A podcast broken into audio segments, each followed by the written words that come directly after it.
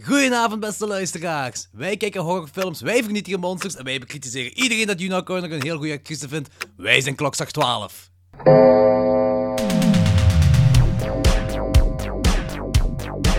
I like to dissect girls. Did you know I'm utterly insane? Be afraid. Be very afraid. Suffering will be legendary, even in hell. I am the devil, and I am here to do the devil's work. I'm your number one fan. Wie de fuck is Yuna O'Connor? Bride of Frankenstein, The Invisible Man. Is dat dat vervelend wijf? Ja. Oh, oké. Ja, ik ben mee. Hey, het was wel een heel goede intro, so I'll give you that. Hey, ik ben Ja. eh, vandaag voor de allereerste keer uit een Facebookgroep gekikt en geblokkeerd. Ah, What? welke? Waarom? Ja, ik, had, ik, ik, ga, ik ga geen namen noemen, ik ga, ik, ga, ik ga niet public shamen, maar het was een, een, een Belgische filmgroep. En eh, dat was Wat? Ja, ja, ja, ja. ja. En eh, op zich heb ik daar nooit echt problemen gehad, maar ik, ik, kom wel, ik kan nog wel eens fel uit de hoek komen als er over films komt. Dus, maar niet beledigen naar iemand toe. En ik zeg ook nooit dat ik gelijk heb, maar mensen nemen dat zo wel op dat ze zo, ik weet niet, niet durven zeggen dat, ze, het, eh, dat, ze, dat ik ongelijk heb, of ik weet niet in ieder geval. Blijkbaar Ja. waren er al heel veel klachten op mij. En die moderators hebben mij... Ja, ja, ik weet van niks. En die moderators hebben mij ook nooit, nooit iets laten weten. Dus ik wist van niks. En nu vandaag was het... Ik heb het hier nog staan. Maar, ik kan niet meer in de groep zelf gaan. Maar ik heb wel nog een screenshot kunnen trekken nadat ik geblokkeerd was van mijn post. Eh, het komt erop neer dus dat, dat die filmgroep op Facebook... Die doen zo elk weekend een thema-weekend. Is dat de filmgroep waar ik ook lid van ben, of is dat nog een andere? Jij zit een diehard filmliefhebberslid, hè?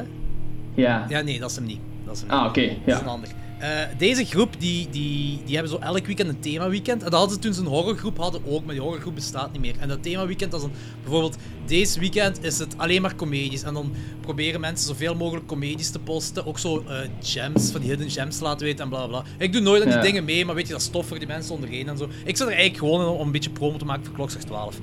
En eh, nu was het zo dat ehm, het thema van deze weekend was romantische films. Eh, en het mag ook een beetje soft erotisch zijn. Eh, waarop er dan één iemand had gezegd, en zij staat... Fifty Shades of Grey toch niet, hè? Nee, nee, nee, één iemand had gezegd zo hè, van... eh, nee, nee, de moderator had gezegd, dus we noemen dit het Ladies Weekend. Ik, ik dacht al van, holy shit, hier gaat veel commentaar op komen. Er was eigenlijk geen commentaar op gekomen, totdat één meisje zei, en ik vind dat ze gelijk heeft... Is het niet een beetje stereotyperend om te zeggen, Ladies Weekend, romantische film... En daarop is heel veel shit gekomen, heel veel commentaar. Die- Echt? Ja, ja, ja. Nu, dat meisje is daar zelf op ingegaan en toen is ze overgegaan naar seksisme en dit en dat. Ja, het was echt zo heel veel bullshit. En ik heb erop gezegd, gewoon dit. Eerlijk gezegd is dit, zoals eerder aangehaald, inderdaad stereotyperend.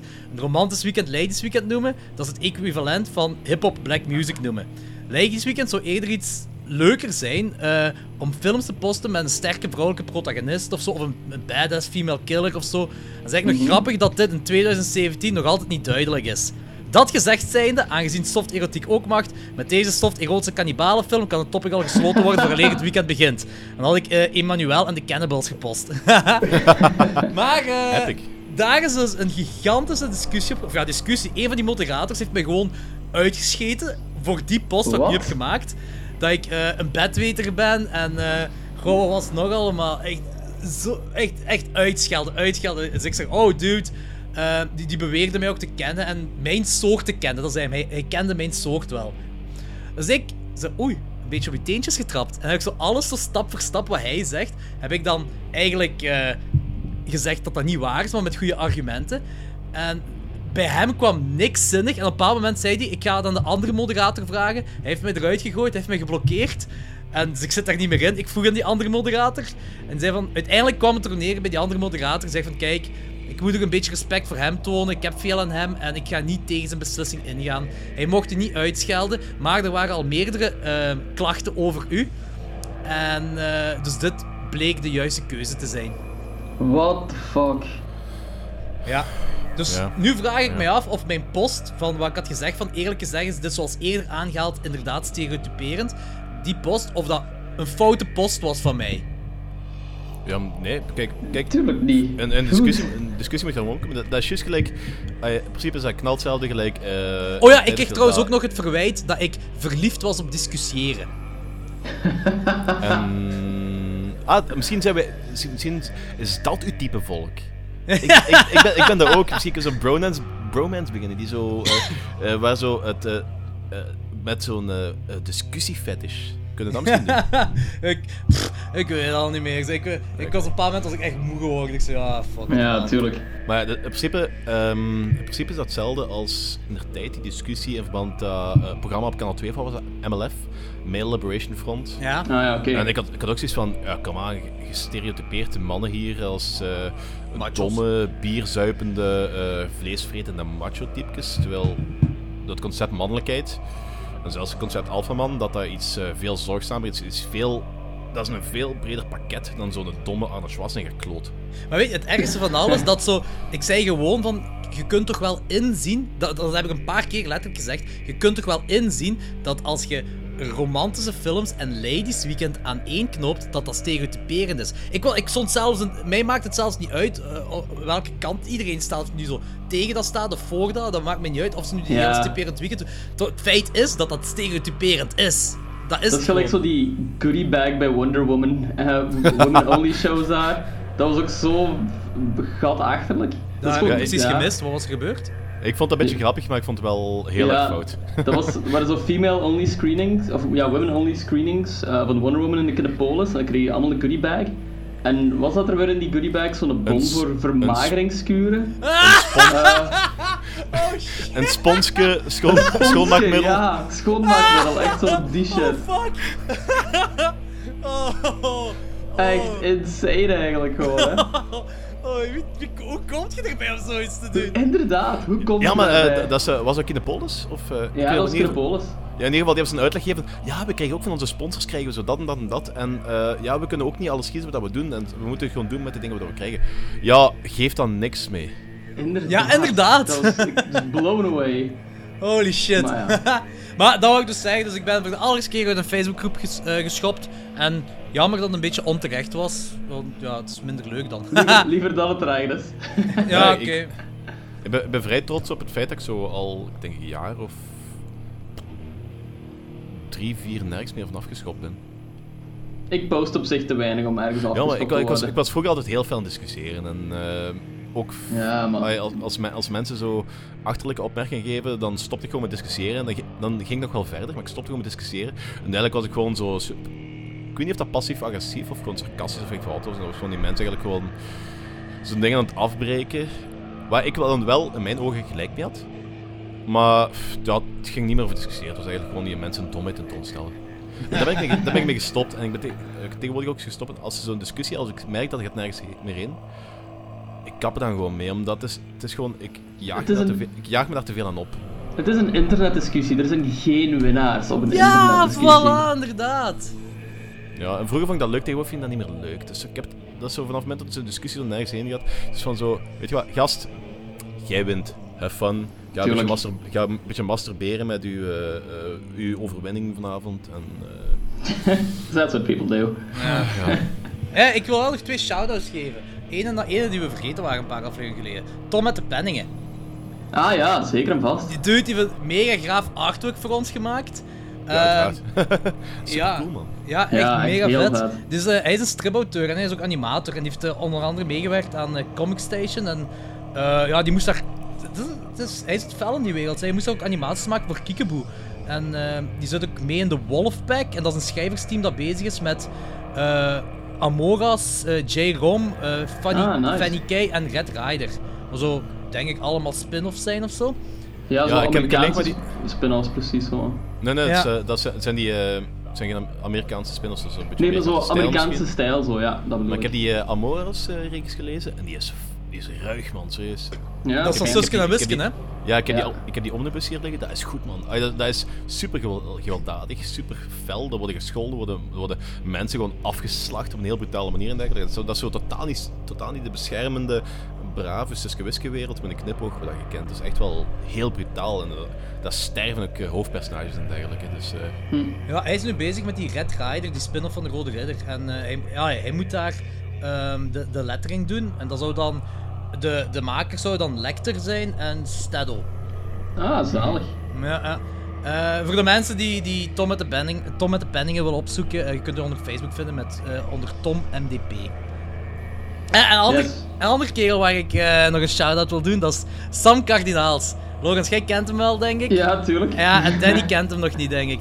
Maar die dude, ik ben die met zijn zatte kloten tegengekomen, de laatste Cornflame show. En die zei echt tegen mij, dude, echt, ik heb schrik van horrorfilms. Ik, ik kijk geen horrorfilms, ik, ik ben er echt, ik ben een te groot watje voor, ik, ik- dat kan ik allemaal niet aan.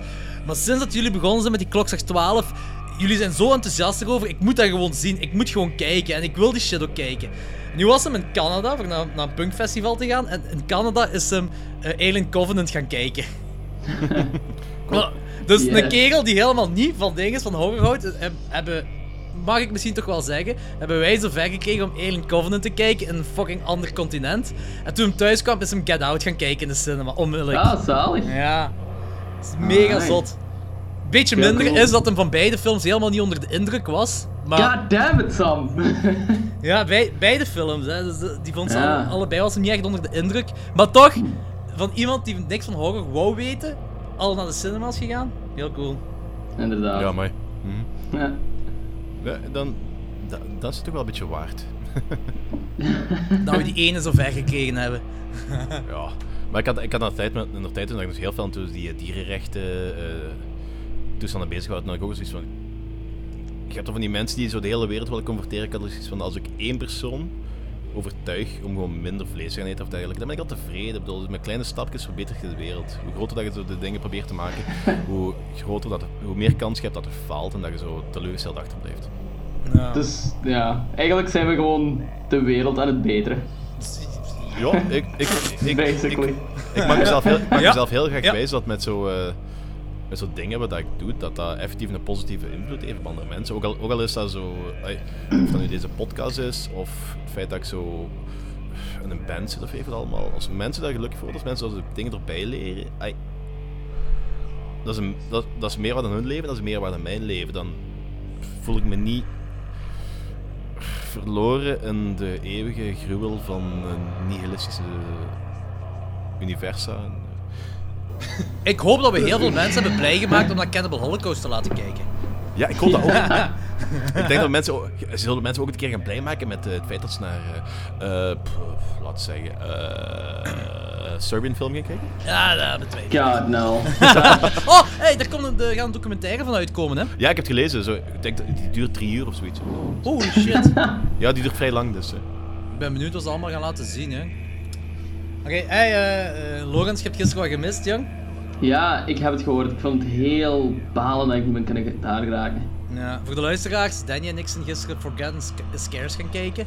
Eh, een documentaire waar zo'n een in-depth look geeft over de Vlaamse horrorfilm. Dude, dat Ja, was echt, echt fantastisch. Dat is echt heel cool gedaan ook. Dat is, dat is zo, zeker omdat ehm er waren redelijk wat films die dat ik wel kende. Gelijk zijn Malpertuis en dergelijke. En eh, Rabbit Grannies van Trauma en Antwerp eh, Killer en dergelijke. Maar dat is ook een hoop bij waar ik nog nooit van had gehoord. En dingen die echt wel heel briljant zijn. Gelijk een of andere levende placenta. Holy shit, dat zag er gaaf uit. Dat zag zo, ik had zo een klein Ja, no beetje shit. een basket case gevoel, zo, omdat dat ook zo seksueel ge- getint was, precies. Maar het, Ja, zijn allemaal, het ging allemaal over Vlaamse horror of over ja, Belgische effectief, horror? effectief, effectief. Ehm, ja, die is Steven. ehm, Steven erover, heet hem. hè. Ja, Die is, ook, die is nu ook bezig met eh, een eh, tweede luik van die serie. Of ik denk, of een serie, het wordt weet ik niet, maar tweede, in ieder geval een tweede documentaire. En dat gaat over dan de Waals eh horror scene. Ah, oké, ja. Nice. Dus eh, dat, is wel, dat is wel cool, want Wallonië heeft ook wel redelijk wat zotte shit gedaan. Dus zo, ai, vanavond, heb je ooit eh Vaz en Notches gezien? Ja, ja, ja, nee, ja, ja. zegt me wel iets. Dat is gestoord. Dat is zo een of andere, eh, ik een beetje post-apocalyptisch, super minimalistisch over de laatste mens op aarde en dergelijke. Ja.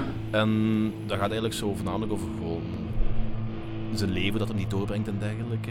En zijn, zijn geliefde is dan een vark en die heeft een gegeven moment ook seks mee. En daar komen dan zo van die eh, varken-mens-hybrides uit. En dat is echt compleet gestoorde fucked up film. Good Maar- god.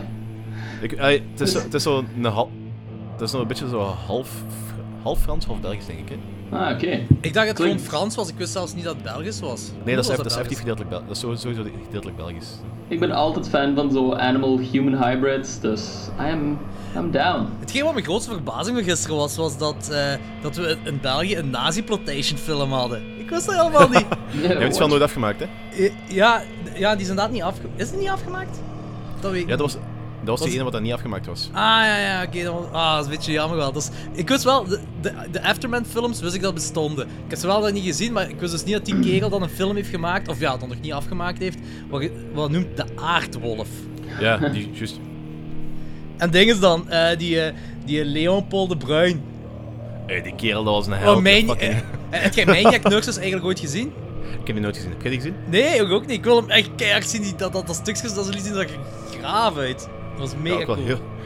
Het was, het was wel zo typerend dat dat zo... ehm wat die, hoe, heet, hoe heet hem? Leopold de Bruin? Eh, Leon, Paul. Leopold de de Bruin. Bruin, ja. Ja. heb Nee, maar dat was wel heel veel ehm, voluptueuze vrouwen en wat SM-toestanden en ja, heel veel exploitation. Dat was, was wel een beetje zo de, de rode draad in zijn films. hè. Ja, en eh, blijkbaar maakt hem nu shemale porno in Thailand. ja. Huh. en ze hebben ook, eh, weet je, er zijn zo heel veel interviews dat ze gedaan hebben, waaronder ook door eh Gilly Thijs, die eh, de Pottel-moord heeft geregisseerd. Ja. Ehm het ding is, ehm, John Desert. Johan van ja, de Woestijnen. ehm, Johan van de Woestijnen. Die maakt op dit moment nog altijd exploitation films. Want volgend jaar komt er een nieuwe film van hem uit, dat noemt The Bride. cool. What Ja, maar dat, hij zit toch ook in de documentaire dat hij een deal had gemaakt met... eh, dat was niet Troma. Roma, denk ik. Nee, was Was het met Roma? Ik weet niet of het meer... Ja, wel, Troma, want, want eh, dat was ook voor vijf films, hè? Ja, vijf films had hij nog gemaakt. En dat dan hem- zei hij zo- dan toch dat hij misschien Rabbit Grannies 2 zou maken, de tweede. Inderdaad, sequel. dat, dat hem dat eerst niet wou doen, dat hem dat nu toch misschien, dat het er toch wel interessant uitziet. Ah, heel niet geniaal, gewoon die interviews ook. Ook, ook Jan, ook Jan Vrij weer altijd met zijn super droge opmerking eigenlijk van... Oh, een speciaal figuur, maar ja. Ja, het is altijd leuk om die naar hem te luisteren. Ja, maar die, die kerel, dat is een fucking bibliotheek, hè? Dat is echt niet normaal. Dat is echt... Wie Ook dat, zo... Jan Vrijen? Of Ja? Ja. Ah, oké. dat is echt niet normaal hoeveel hij van die shit kent. hè. Dat is, echt... dat is ook super tof om hem te... Ook zo, ja, Jonas Govers had wel gelijk, hè. Dat hem zo eh, alle Belgische horror een beetje afkraakte. En dan zo wanneer het over zijn film ging, dat het publiek het gewoon niet snapte. Ja, ja, ja. Wat is, dat is inderdaad wel- zijn horrorfilm? Eh, alias, ja. Ah, horror. ja. het, het neigt wel naar de horror toe met momenten, zo. Ja. Enfin, eerlijk gezegd ben ik ook niet echt fan van Jan films, maar... Maar ik vind die Hey. cool. Zeker, zeker die, ehm zeker zaak Alzheimer en eh eh dossier Kaan eigenlijk. Ik vind dat zeer... Zaak Alzheimer is Erik van Looy zelf, hè. eh, is dat niet Jan Vrij die er ook mee te maken heeft? Nee, dat is Jan Vrijen ook, denk ik. zo, De eerste, de eerste is Erik van Looy. Ja, Erik van Looy. Maar ja, ja, ook wel kampioenen, kampioenen 2 en Ja, ja, dus, alle kampioenenfilms ook. En ook zo zot van Kaan, zo ook Die heb ik nooit mij. gezien. En It's pretty bad. Ja. Maar ja. Maar in ieder geval, je krijgt zo heel veel interviews, onder andere ook eh, Harry Kummel van Daughters of Darkness. Waar, volgens mij ook, heeft hem dat pas nog gezegd dat hem eh, van plan is om een sequel te maken op Daughters of Darkness. Ja, ja, nee, dat, dat komt er volgens mij. Dat, stond, of, ofwel dat stond eh, een paar maanden geleden stond op Bloody Disgusting, van dat er een vervolg op kwam. Daar ben ik echt wel psyched voor. Ik In vond wel- dat een heel welke ma- fantastische film. Ja.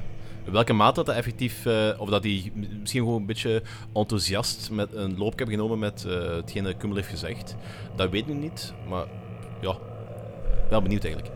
Ja, in ieder geval, Logans, dat is echt de moeite. Ook zo het verhaal, het, het grappige verhaal achter de Antwerp Killer en hoe dat zijn cultstatus bereikt heeft, Ja, eh, ja. krijg ik ook te weten. En, maar oké, die wist ik oh, wel al. En, eh, maar toch, het is, het is echt fantastisch om te horen. Zo. Er waren zo'n paar dingen wat ik niet wist. Die componist, dat uiteindelijk een hoofdacteur bleek te zijn. Hij wist dat zelf niet en zo van die shit allemaal.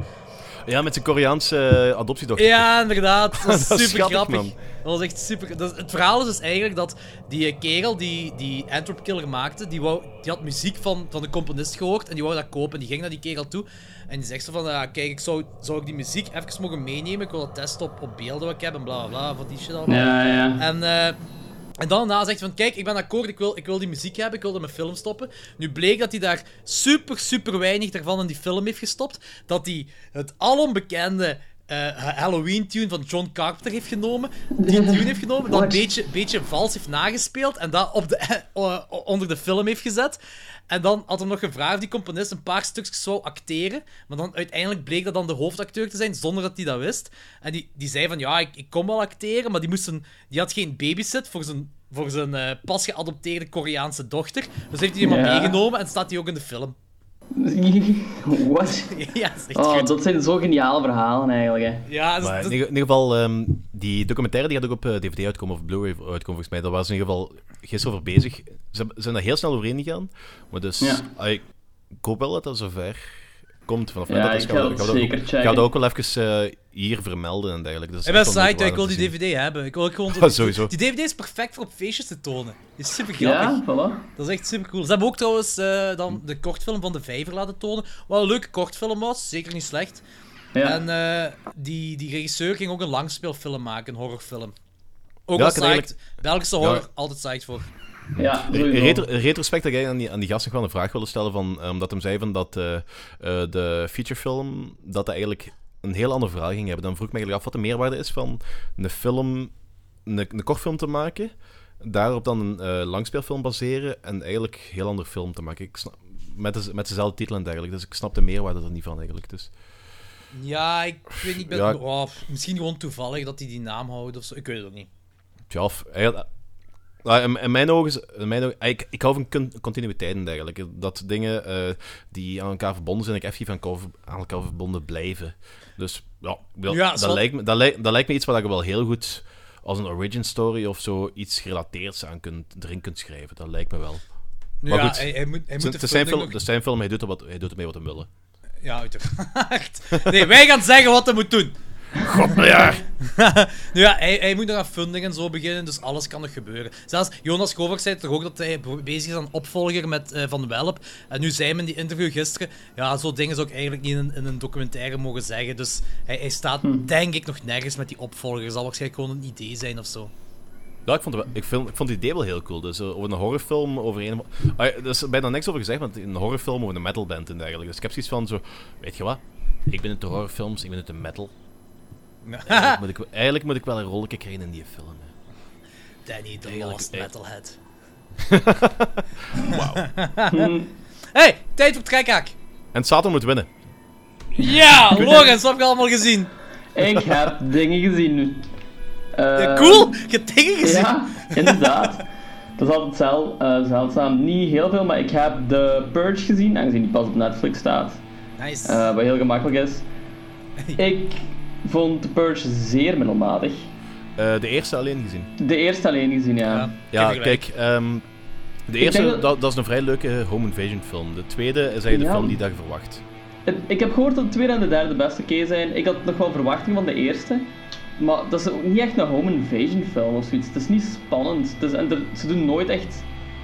Ja, er is nooit spanning of zo dat opgebouwd wordt. Het is gewoon random dus dat gebeurt. En dan wordt dat ineens een actiefilm ook op een zeker punt. Ja, Ik, kijk, ik, ik, vind, ik denk dat de elevator pitch van de film het beste is eigenlijk ja, van heel de film. het probleem is ook zo gewoon dat die, die eerste Purge is helemaal verkeerd gepitcht. Die is helemaal verkeerd gemarketeerd. Die is, Ah. als, je, als je, die, als je de, de, de, de filmlijn hoort waarover het gaat, dat je zomaar in één nacht in het jaar mag doen wat je wilt. Mensen vermoorden, verkrachten, whatever.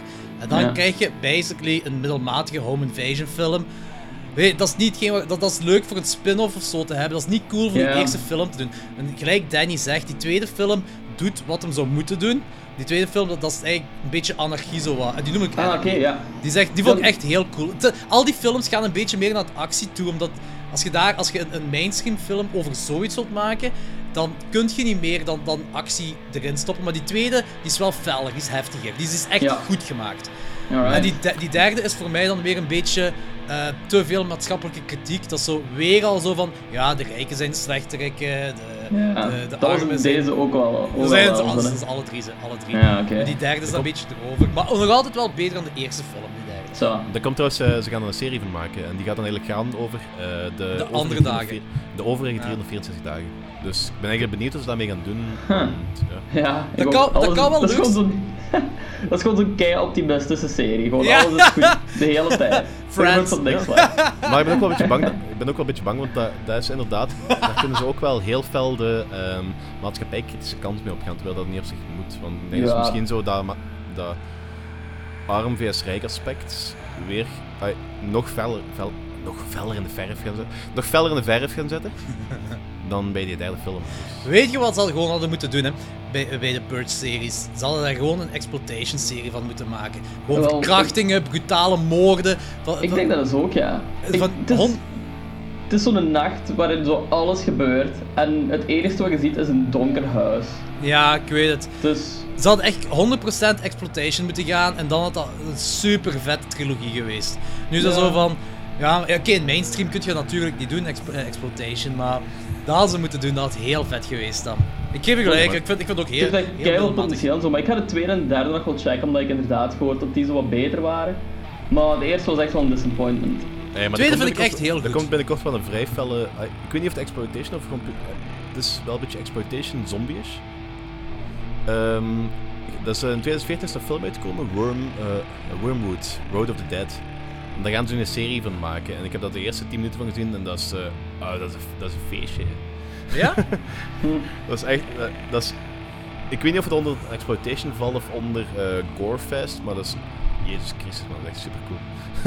Ah, oké. Ja, meestal hangt die, hangen die dingen wel aan elkaar. Hè. Ja, maar Ja. moet, moet, eens opzoeken. Ik zal het straks doorsturen. Eh, eh, dat is een film van geweest een paar geleden. Ik heb, hem- ik heb hem alleen maar eerst half uur gezien, dus oké. ik heb die namen zien vallen, maar ik, ik, heb, Wormwood. ja, ik ken er niks van, ik weet het niet. Ja, als je, als je die 10 minuten gaat zien, ga je zeggen van, oh shit, dit wordt cool. Dus valt nog af te wachten wat met he- het volledige product gaat doen. Oké, Logans, voor de Eh, rest.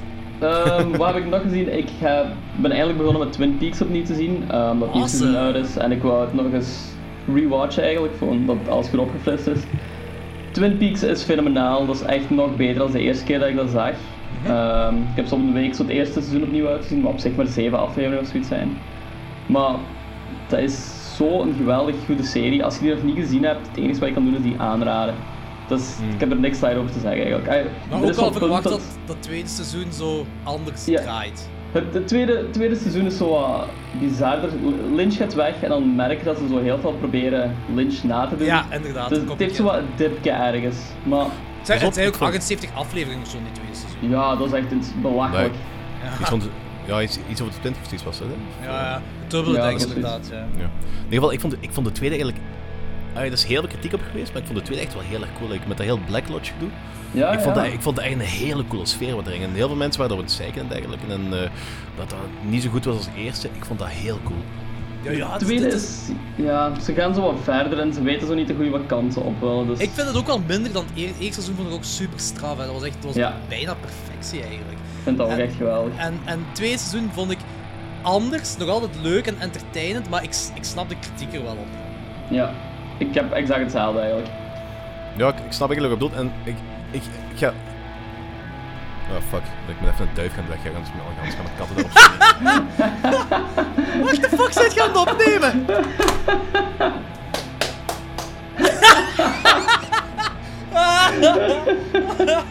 What the fuck? Dat was zo random. ja.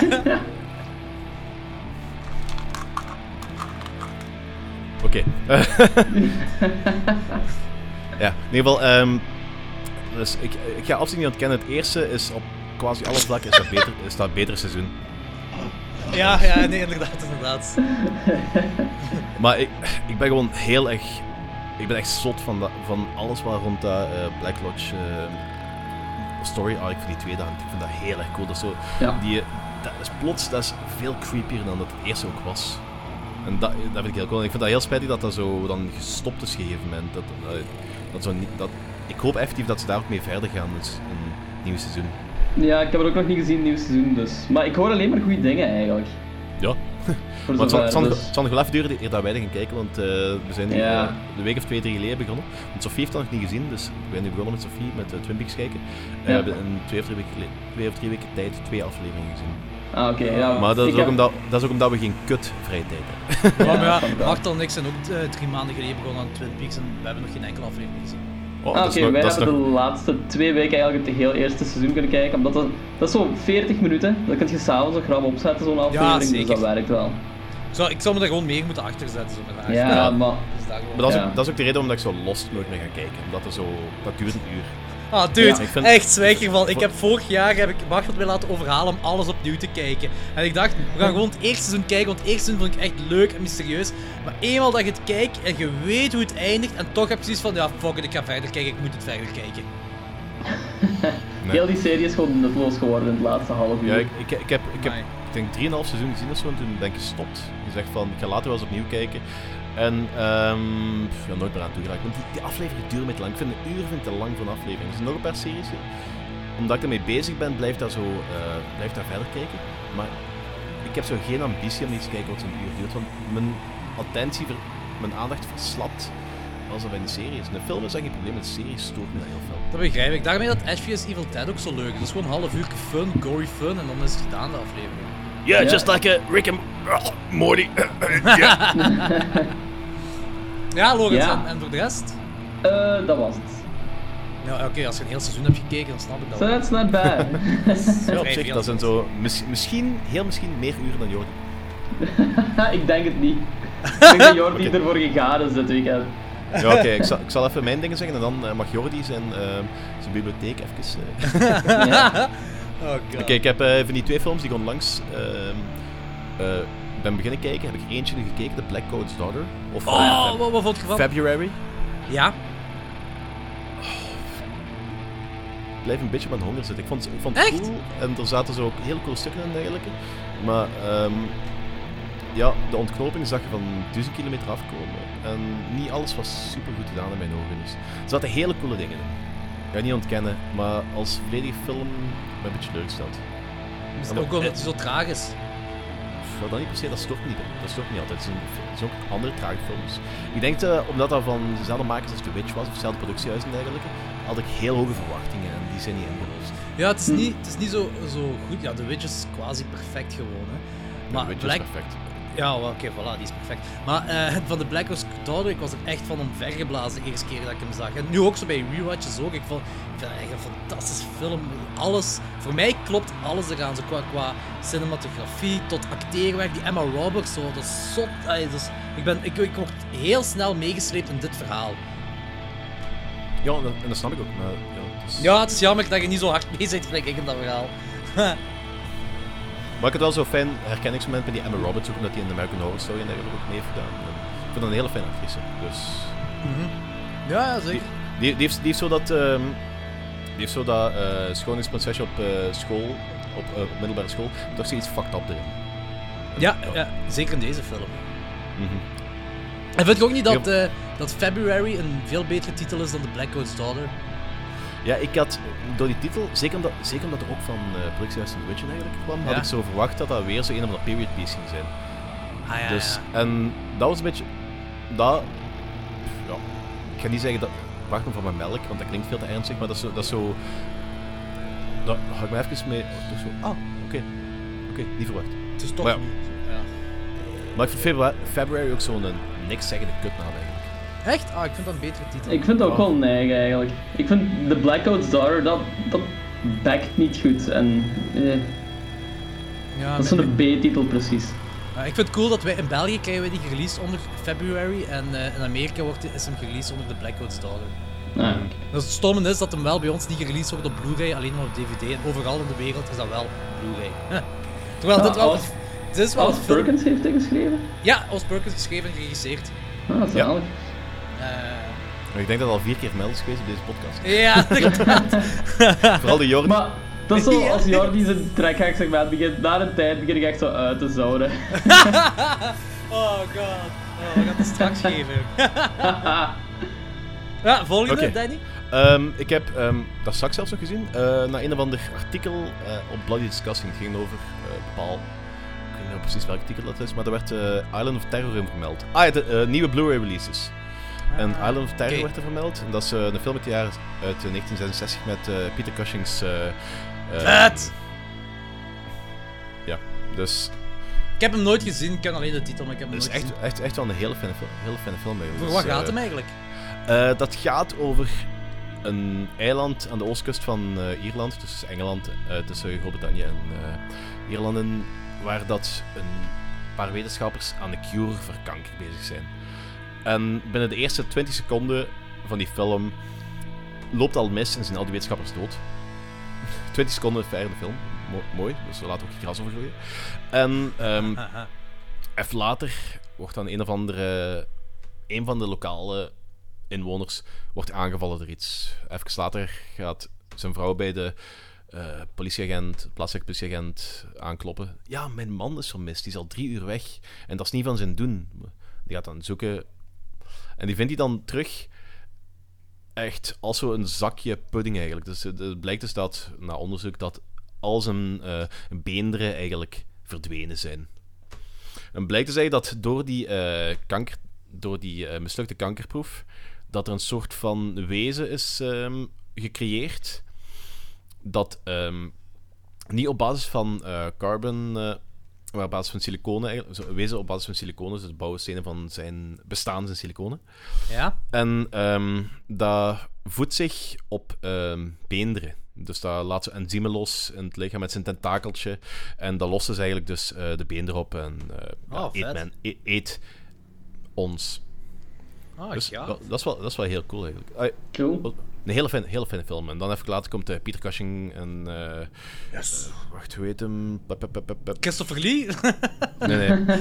Edward Judd, Judd komen dan eh, de zaak redden en weet ik wat allemaal. En het is echt wel een fijne film, 1966. Redelijke coole practical effects, practical effects zeker voor die tijd. Dus eh een aanrader dus. ja, het is echt, echt een fijne film. Ah, deed, me zet beetje, deed me zo'n beetje denken aan... ehm dat eiland, dat eilandvolk had zo'n beetje zo de sfeer van eh eh, The Wicker Man. Maar dan, de film was een de Wat er allemaal gebeurde was een beetje een combinatie tussen The Blob en Deep Rising. Ah, oké. Maar dan zo iets, iets, iets, meer, iets meer de blob en iets minder, de deep, en iets minder deep rising. Het is niet zo'n felle horrorfilm. Niet zo'n felle eh actiehorrorfilm. Dat is niet. Maar het concept van menselijk slachtoffertjes komt daar wel een beetje bekijken. Oké. Hmm, Ik ben, ja, het piqued my interest. Ik ben echt wel eh, curieus om deze film te zien eigenlijk. Ja, kijk, het is echt wel een leuke film eigenlijk. Dus. Eh, en pff, ja, American eh, Gods. En, en Nog altijd en- goed? Alblieft? Nog altijd goed? Dat blijft goed, ja. En ik, merk, ik merk wel heel veel dat ze... ehm, ze zijn aan het expanden op dat boek van eh Alan Moore. Nee, niet van Alan Moore, Neil Gaiman. En ze doen dat op een goede manier. Het is altijd een beetje eh, bang afwachten, omdat je hebt een boek en ze gaan er een serie van maken. En waarschijnlijk komt er nog meer series van. Maar een boek is maar zoveel pagina's, dus wat, hoe breiden ze dat uit? En ze zijn er echt wel goed aan het doen. Dus daar ben ik wel heel blij mee. Cool. Dus dus ook nog altijd een aanrader. Ja, dat is, dat is mega goed. Oké. Echt, ik, ben, ik, ben, ik ben echt volledig mee. Nog altijd. Oké, cool. Ik ga er... Anyway, dus- Jordi, wat heb jij gezien? Heb heb je even tijd? Ja, eh, heb je, heb, je de, heb je tijd gehad om deze week iets te zien? Of, eh? Eh, ehm, Oké, dus na vorige week, omdat we Cannibal Hol- Holocaust hebben gezien, had ik nog eens goesting om Cannibal Ferox te zien. Oké, hebben Aha. jullie die al gezien? Ik heb die, ik denk tien jaar geleden of zo gezien. Ik weet er niks Ik heb hem ook ooit eens gezien, maar dat is ondertussen ook al 5, 6 jaar geleden. Ehm, en dat was zo vlak na ik Cannibal Holocaust ook had gezien. Oh, goede back-to-back wel. Ja, dat was zo in de tijd dat we gewoon niks te doen hadden en gewoon scheve films keken. Ah, dat zijn de beste tijden. Ja, dat is pretty good. Ja, ik, ik heb die ooit gehad. Ik heb die aan mijn broer verkocht, geloof ik, toen ik geld eh, tekort had. Oeh, terugkopen. ja, nee, oké. Ik ben, ik ben sowieso fan van al die Jungle Cannibal films. Ik ben een heel grote fan van zelfs. En Cannibal Holocaust, Cannibal Ferox zijn de twee grootste daarin. Ja. En eh, ja, oké, Cannibal Ferox dat is gewoon een, een du- overduidelijk een cash-in op Cannibal Holocaust. Het, heeft dezelfde maatschappelijke kritiek, maar er gewoon nog eens dikker opgezet. En eh, de, de originele titel, wat ik trouwens beter vind, was eh, Make Them Die Slowly. ja, inderdaad. Veel coolere titel. En, en voor de rest, de, de film is veel gorier dan Cannibal Holocaust. Er komt weer een schildpadscène in voor. Eh, eh, de castratiescène is beter in deze film. Eh, er, er, is, er is echt gewoon werk gestoken in meer effecten, meer gore te zijn. En, en veel meer animal kills ook. Eh, de pornoacteur uit Cannibal Holocaust doet er ook in mee. Ik was dat helemaal vergeten. Ja, Ah, ik was dat echt? helemaal vergeten, ja.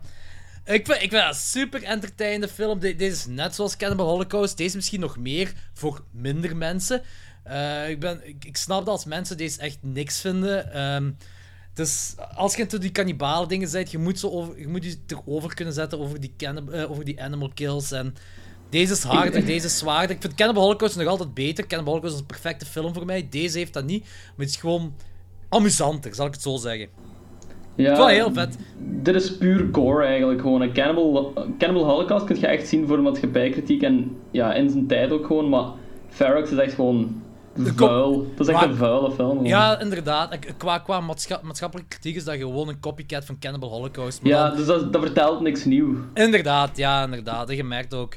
Eh, maar ja, ik, ik ben grote fan van dat soort films, dus ik, ik- dat, is, dat, dat is een 9 op 10 voor mij. Maar ik- als je niet into van die dingen bent, ik, ik- dus dat is niet aan te raden eigenlijk, deze film, tenzij je die shit cool vindt. Dat is heel moeilijk aan te raden. het is fel, ja, dat herinner ik me ook nog. Ja. En hoeveel, Eh, hoeveel kreeg je Cannibal Holocaust van nu? 10. Oké. Dat is, dat is een pure 10 op 10 voor mij. Ehm, een eh, eh, andere film dat ik gezien heb is een film uit 1997, genaamd The Manson Family. Ik ga, straks ga ik erop terugkomen. Jezus, ik heb die hier liggen, dat is crap, man. Ik, ik, ga straks, ik ga straks erop terugkomen waarom ik deze film wou zien. Eh, ja, die, die film is dus, om een beetje een backstory te geven over de film, die is op een aantal festivals gespeeld, maar als een work-in-progress film in 1997.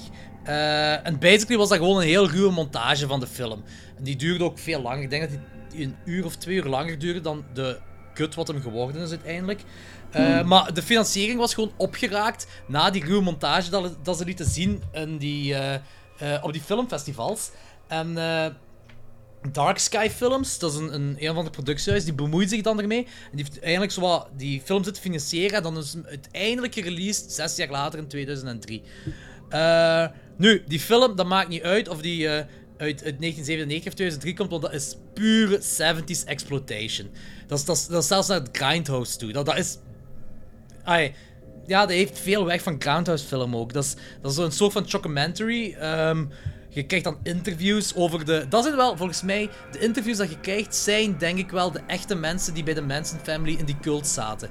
Ja, oké. Eh, ik, geloof, ik geloof het wel, ja, ik geloof het wel. Maar niet Ja. 100% zeker, maar ik dacht wel. Dat wel dat, boeiend. dat denk ik ook. En eh, dan heb je die beelden, wat, dat zij vertellen over wat er gebeurd is. En dan laten ze beelden zien, wat er, de geacteerde beelden dan en zo. En ja, die- gewoon om een idee te geven voor die film. Die, die regisseur, die, die acteert ook in de film, maar die, die heeft die film zelf gemonteerd en geproduceerd. En voor het Ah. grootste deel ook zelf gefinancierd. En die kerel die regisseerde vaak naakt om eh, de acteurs oncomfortabel te maken. Omdat die, die acteurs die zitten zelf ook heel naakt in die film. Eh, heel veel seksscènes zijn ook niet gesimuleerd. En zijn ook echt, gelijk alle orale seksscènes zijn echt. Ehm, eh, ja, het, gaat dus, ja, het gaat dus over de Manson Family. Eh, en hoe dat ontstaan is en gegroeid is. En eh, tot, tot, tot in die eh, Sharon Tate en La Bianca moorden. Tot en met daar gaat Ja, ongeveer. ja, ja. Maar ze hebben precies wel zo dat stuk geskipt van, hoe noemt hem, die, die Beach Boy, Dennis Wilson. Dat stuk dat kwam er niet in voor. En dat vind ik wel jammer, want ik zou dat meer op film willen zien. Van hoe dat zo meer ontstaat. Zo met die lifters dat hem heeft meegenomen, de, die Manson Family dat hem in zijn huis heeft laten wonen. Van Ja, ja, ja. En dat is jammer dat Danny erin voorkwam. Maar, nu snap ik wel waarom Danny zei... Ik denk dat dan zaal 4... Ik weet niet meer waar je dat zei, Danny, maar je, zei zo, je hebt altijd gezegd van... eh Otis, zijn quote van I am the devil and I'm here to do the devil's work... is eh, niet de originele quote of zoiets zo. En ik vond het altijd raar, want ik heb dat altijd als work beschouwd en niet als business. Dus ik heb dat zo opnieuw, die quote alleen opnieuw en opnieuw geluisterd. En dat was altijd work in mijn kop. Ik hoorde niks anders. Ik ben op IMDb gaan opzoeken en daar staat letterlijk: I am the devil and I'm here to do the devil's work. Maar ik ben dus nu te weten gekomen dat eh, die quote een hommage is naar, naar Charles Ma of eigenlijk naar eh, Charles Tex Watson. Nou, hij zegt, en heeft dat blijkbaar ook in het echt gezegd, van I am the devil and I'm here to do the devil's business. Dus nu snap ik pas wat je ermee hoort zeggen, Danny. Ja. Nou, ik, ik had-.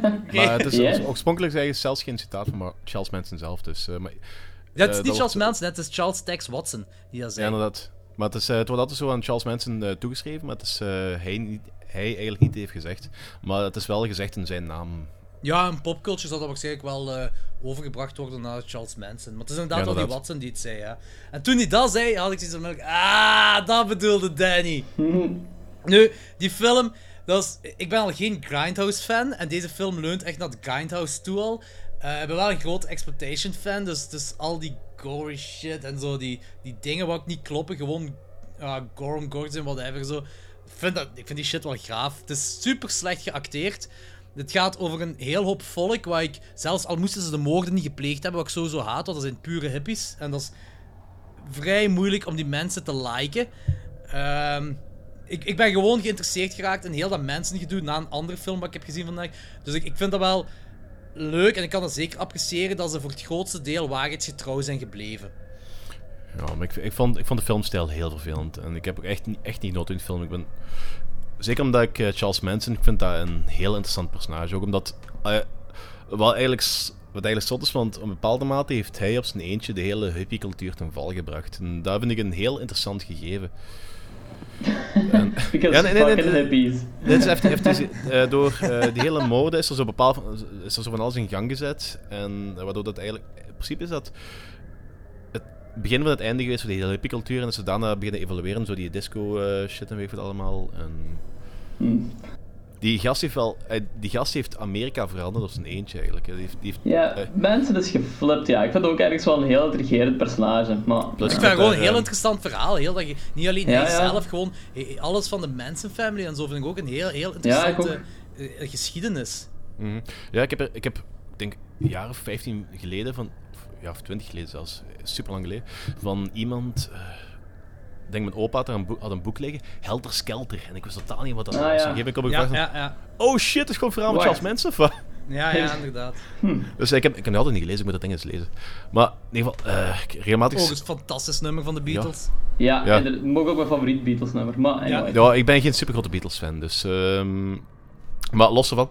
Eh, maar die kerel, dat is momenteel, dat is nog altijd een compleet geflipt figuur. Die heeft, eh, Oh, in, de jaren ja. ne- in de jaren 90 of zo is, hebben ze ergens een interview met die gast gedaan. En eh dan stellen ze woord van die vragen van eh tell him who's the real Charles of eh, tell him who's the real Charles Manson, who are you? En dan doet hem zo, begint hem zo heel geflipte bewegingen te maken en zegt hem heel stil, no one. Ja, Dat is- dus, ja, dat is ja, ik weet, ja. Die kerel is echt ver van de wereld. Die is ook pas getrouwd. Ja, maar je, je, hebt altijd wel mensen die zo van into die shit zijn. Dutroux Ja, krijgt nu ja. ook zo van die cadeaus en, en, en Ja, lovers en van die dingen allemaal. Dus Ja, ja. maar de True maakt geen muziek. En ik Dat is waar. en ik heb een plaat van Charles. Manson liggen. Dat is, Results may vary, daar zit veel crap op. Er is ook wat coole shit op, hè. Ja, onder, die andere zo, onder andere in de tribute eh, to Hank Williams. ja, maar ja, maar Dennis Wilson van de Beach Boys die heeft zich laten inspireren door Charles Manson, hè? Ja, ja, dat was echt... Die plaat was echt een thing, hè, in de tijd. Ja, ja, ja, inderdaad. Maar heel veel mensen, ik denk Charles Manson en Crowley en weet ik wat allemaal, dat heeft in de jaren 60 en 70, dat heeft, eh, Led Zeppelin, de Beatles, weet ik wat allemaal, dat was allemaal heel veel geïnspireerd door enerzijds Charles Manson, anderzijds eh, dat dilemma aan eh, Crowley en dat... Wauw, de, Be- de Beatles Eigenlijk- niet, hè? De Beatles Ja. De Beatles, absoluut. De- zeker, zeker eh, Huh? De White Album, eh, dat was al uitgekomen. Charles Manson Ja, kende ja. de Beatles Ja, niet, inderdaad, was- maar, maar ehm, ook, ook, ook die Crowley, derg- die Crowley toestanden en dergelijke, die, die mannen waren echt zwaar in de occultisme. Hè? Ja, ja maar Ja, niet dat- zozeer op het geïnspireerd door het figuur van Charles Manson, maar door de muziek die hij gemaakt had, door die plaat die hij had uitgebracht. Ja, nee, die plaat is pas later uitgekomen. Dus, eh, die, had- in de tijd maakte hij muziek, maar dat is, dat is nooit, dat is nooit gereleased of zo. Omdat hem, dat is een van zijn grote frustratiepunten, omdat hem zo ehm, met een eh, ehm, producer en dergelijke praat en dat hij hem uiteindelijk had laten vallen. Of, dat Ja, een die van vond dat sell-outs als je met een producer ging of zoiets was, Ja. toch, hè? En die heeft, Ja. pas, die heeft pas in de gevangenis heeft een paar pas dingen uitgebracht. En de, de oké, kwaliteit, dacht de dat kwaliteit is ook pas navenant. Is ook navenant dus, eh. Nee, maar hij, hij heeft Dus- ook wel, hij heeft ook wel platen uitgebracht voordat hem, voordat hem die moord ja. heeft gepleegd. Ah, effectief, effectief. Ja, ja, Ah, ja. oké, oké. Dat wist ik niet. Ah platen. Ik weet, ik weet die die heeft opgenomen met Dennis Wilson heeft hem opgenomen, dat Voilà. weet ik. Ik weet dat Eh, er één plaat was die echt zo wel vrij bekend was en vrij goed ontvangen was zelfs. Dus Ja, Maar dat was, dat was, dat was zo- ook maar wel- het juiste weet ik ook niet van die muziek, maar ik Nee, weet dat maar Dennis Wilson er heel veel te maken had. ja, en dat was echt voor de Manson family een ding was. Dus. Oké, maar Maar- volgende ja. films. Ja, Ehm, de volgende was, ik ben nu zo in een hele Eli Roth fase opnieuw en dan heb ik zo de eerste twee Hostel films opnieuw gekeken. Die films, ik blijf erbij, dat zijn briljante films. Eh Eli Roth heeft toen gewoon, dat is een, dat elke film dat hij maakt is een passieproject van hem. En dat kan zijn dat je dan niet into één van die films bent, maar ik vind het altijd lullig als ze zeggen Eli Roth maakt kutfilms. Die kerel, die heeft horror terug op de kaart gezet. Die, die eh, heeft gore terug mainstream gemaakt. De, de enigste mainstream slasher wat in de laatste tien jaar ervoor was uitgekomen, dat was Scream. En Scream die laat bijna niks van gore zien. En gaat dan, wel, Saw, dat was iets eerder uitgekomen, maar dat heeft maar een limited release gehad in de cinema. Dat is eigenlijk pas een, eh, een fan-favorite beginnen worden, een mainstream beginnen worden toen op DVD is uitgekomen. Maar toen was Hostel had toen al alle zalen op de wereld plat gespeeld. Hostel heeft echt mainstream, of heeft gore terug mainstream gemaakt. En, en dat is iets wat niet vanzelfsprekend is om begin jaren 2000, of midden jaren 2000 of begin jaren 2000 of zo te doen. Dat is, dat is iets wat heel, heel gewaagd is. En dat, dat, is, dat, verhaal, dat is ook een heel interessant verhaal hoe dat tot stand is gekomen. Dat is gewoon omdat Eli Roth had Cabin Fever gemaakt, wat ook een heel struggle was om te maken. Ja. En eh, Cabin Fever is vrij goed ontvangen. En hij was daarna zo wat... eh, hij had al in zijn kop om een documentaire of zo te maken. En eh, die is op zo heel sketchy forums en websites terechtgekomen. En daar stond iets op van... Kijk, dat je eh, voor 10.000 dollar mocht je iemand eh, doodschieten. En dat geld gaat dan naar zijn familie. En dat waren dan zo... Die slachtoffer, dat slachtoffer was dan blijkbaar... Of die hele familie was blijkbaar heel arm. En eh, die zouden dan, volgens de mensen op de website... Oh. Zou die dan één iemand van de familie toesturen... Die, die offert zichzelf op om dan het gezin te kunnen voeden of zo. En dat, dat is geen wat Wat? website... Ieder, ja, dat is geen wat die website zegt. Heel sketchy shit en zo. En, eh, maar Eli Roth is heel snel van dat idee afgestapt om daar een Oh. documentaire over te maken. Dus- uit schrik. Dus eigenlijk is Hostel gewoon based on a true story. Ja, het is... Ja. Ja, ik eigenlijk- dat echt was. Ja, dat, dat ging over. Maar Hostel dat speelt zich zo gezegd af in, in Oost-Europa. En eh, Ja. de websites waar hij en de forums, was zo in de donkere hoeken van het internet, waar hij op terecht kwam, dat waren Thaise dingen zo. Ja, oké. Eh, hij, is ook, hij is heel snel van het idee van documentaire afgestapt. Maar die kreeg wel op een bepaald moment een telefoontje van dinges van Quentin Tarantino. En die zegt zo, wat zit je nu eigenlijk van plan te doen? Want ik ben een heel grote fan van Cabin Fever. Hm. En, en hij zegt van, dude, ik weet echt niet wat ik moet doen. Zo, weet, dat was een heel jonge regisseur die zo eh, heel veel struggle had om Cabin Fever te maken. Maar ja, hij had verwacht dat het gewoon zo'n indie filmpje zou zijn. Waar zo van die, die horrormensen, die fans, die zouden wel leuk vinden. Maar dat was heel fel opgeblazen in die tijd. Cabin was Fever is ook gewoon uitgekomen in een tijd dat niemand horror serieus nam. Ja, inderdaad. Ook, inderdaad Ik vond dat niet zo heel goed eigenlijk, als ik eerlijk mag zijn. Ik vind dat een leuke film. Het is niet het beste van het beste, maar ik, voilà, ik vind hem ook oké. Het is, het is een leuk, leuke vrijdagavondfilm, whatever. Ik vind het een heel leuke film. Maar Quentin Tarantino was ervan omvergeblazen. En waarschijnlijk ook omdat in die tijd bijna niks van horror serieus genomen wordt. Of bijna niks meer wordt uitgebracht. Ja. En eh, toen zei Quentin Tarantino van, kijk, kom eens naar mijn thuis, we gaan eens over praten. Dus die twee hebben samen rondgehangen. En eh zegt ze, ja, kijk, ik kreeg, die kreeg heel veel studiofilms aangeboden. Waar we dan heel veel geld op kon verdienen. En zegt ze, maar ik weet niet goed hoe ik dat moet aanpakken. En ik zit eigenlijk met dit idee in mijn hoofd. En die liet dan die website zien aan Quentin Tarantino. En hij had zijn idee er rond, want dat was ook in de tijd dat heel veel maten van hem gingen eh, backpacken naar Europa. En Ja, eigenlijk ja. gewoon om te neuken en drugs te doen. Dat is wat ze allemaal zeiden. Al die Amerikanen zeiden dat van, oh, we gaan naar Europa, we gaan neuken, we gaan drugs doen, bla bla bla, van die shit. Dus ik wil Hm. daar iets rond doen. En Quentin Tarantino zei van, kijk dude, eh, ik help u financieren daarmee. Eh, doe dat. Ga naar daar. Ga naar Europa. Of ga naar een plek dat je goed vindt om dat te filmen. Neem je acteurs mee naar daar. En film die shit. Financier dat desnoods zelf. Maar doe dat gewoon. En geloof me vrij, dat gaat een cultfilm worden. Dat hem toen in de tijd. Hij is dat effectief gaan doen. En to be fair, Quentin Tarantino had geen ongelijk. We zijn nu iets meer dan 10 jaar later. Cultfilm is nu misschien wel veel gezegd. Maar de film heeft nu veel meer appreciatie dan dat hem toen was uitgekomen. Want Ja. de critics waren onmiddellijk op de kaart gesprongen en zeiden van... Dit is torture porn, dit is geen film, dit en dat. Wat dan ook weer een compliment naar Eli Roth toe is. Want eh, de term torture porn is daar gegroeid. Dat is daar ontstaan. Dat is een officieel subgenre van de horrorwereld geworden, torture porn. En dat is dankzij Hostel. Dat is daarom niet de allereerste torture porn film ooit uitgekomen. Maar het is wel dankzij Hostel dat die term bestaat. En om dan te zeggen als critic, het is alleen maar torture porn, zijn ze ook volledig fout. Want dat is effectief een heel goed verhaal dat aan elkaar zit. Er is fantastische maatschappelijke kritiek in. En dus, dit, dit, is een horror, dit is een horrorfilm gemaakt door een gepassioneerde horrorfan voor de gepassioneerde horrorfan. En omdat dat mainstream is, en ze hebben zoiets niet meer gezien sinds de jaren 80, is dan de, hele kritische wereld erop gesprongen en heeft gezegd: oh, dat is alleen maar torture, dit en dat, en, en dit is geen echt verhaal en bla bla bla. En dus nu pas, nu zijn we tien, meer dan tien jaar later, begint die film pas echt appreciatie te krijgen. Maar ik En denk, dat nog wel, ik denk nog wel het statuut van een eh, cultfilm krijgt hoor. Vroeger. Ja, daar ben ik vrij zeker van. En dat zijn, dat zijn die twee films, want dan zeggen ze Hostel 2, ja, dat is gewoon hetzelfde als Hostel 1. Nee, dat is niet hetzelfde als Hostel 1. Ja, je, je breidt dat universum uit. Je hebt dan die, gen, die gender switch, wat zich mij niet uitmaakt. Dat is leuk om te doen. Maar ze zitten nu in de wereld van, van, die, van die rijke mensen. Van, van die mensen die, die mishandelen. Ze zitten in de andere wereld. En dat is een Dat was- dat heel leuk gegeven was ook voor de een derde? sequel. Dat was toch de derde pas? De tweede Nee, nee, is nee, eigenlijk, eh, tweede is eigenlijk tweede- eh, voorzetting van de, van eh, Ja. de eerste. De tweede, dat is, de tweede is, dat, dat, dat is het cool, dat is inderdaad het coole eraan. Die noemt Hostel Part 2. En dat is dus effectief gewoon gezien alsof Hostel, de twee films, één film zijn. Dus je gaat gewoon verder op de gebeurtenissen van de eerste, wat tegenwoordig in sequels heel weinig gebeurt. Maar daar was er wel nog, wat heel cool is. Maar dat is, dat is gewoon die, die proloog is... Eh, ja, proloog. Is dat Ah ja, proloog? juist, juist, juist. eh, Dat, dat, En- dat, dat eindigt op het begin al en eh, dan wordt Ja, inderdaad. Dat is, eigenlijk, dat, is heel, dat, is heel dat Final Girl gedoe. Hè. Dat gelijk bij Friday 13. De Final Girl van Friday 13 gaat in het begin van Friday 2 gaat die ook dood. Dat is Ja, hetzelfde met Oh, ik-. Dat is- dat is dat gedoe. Dat is, dat is juist, ik heb de derde nog niet gezien. Dus- Ja, de derde speelt zich af in Las Vegas. Dat is. eh, daar wil ik het nu niet over hebben. die, eh, die twee, maar die tweede, dat, dat, dat, dat zit echt zo in de, dat je laat het zien hoe het in die wereld. En daar heb je zelf likable personage in, in, die, wereld, in die wereld van, van martelaars. En dat is het coole, ze laten zien wat voor mensen. Dat is trouwens, een van die twee is trouwens eh, die kerel van de, de zeemeermin daar in Cabin in the Woods. Ja.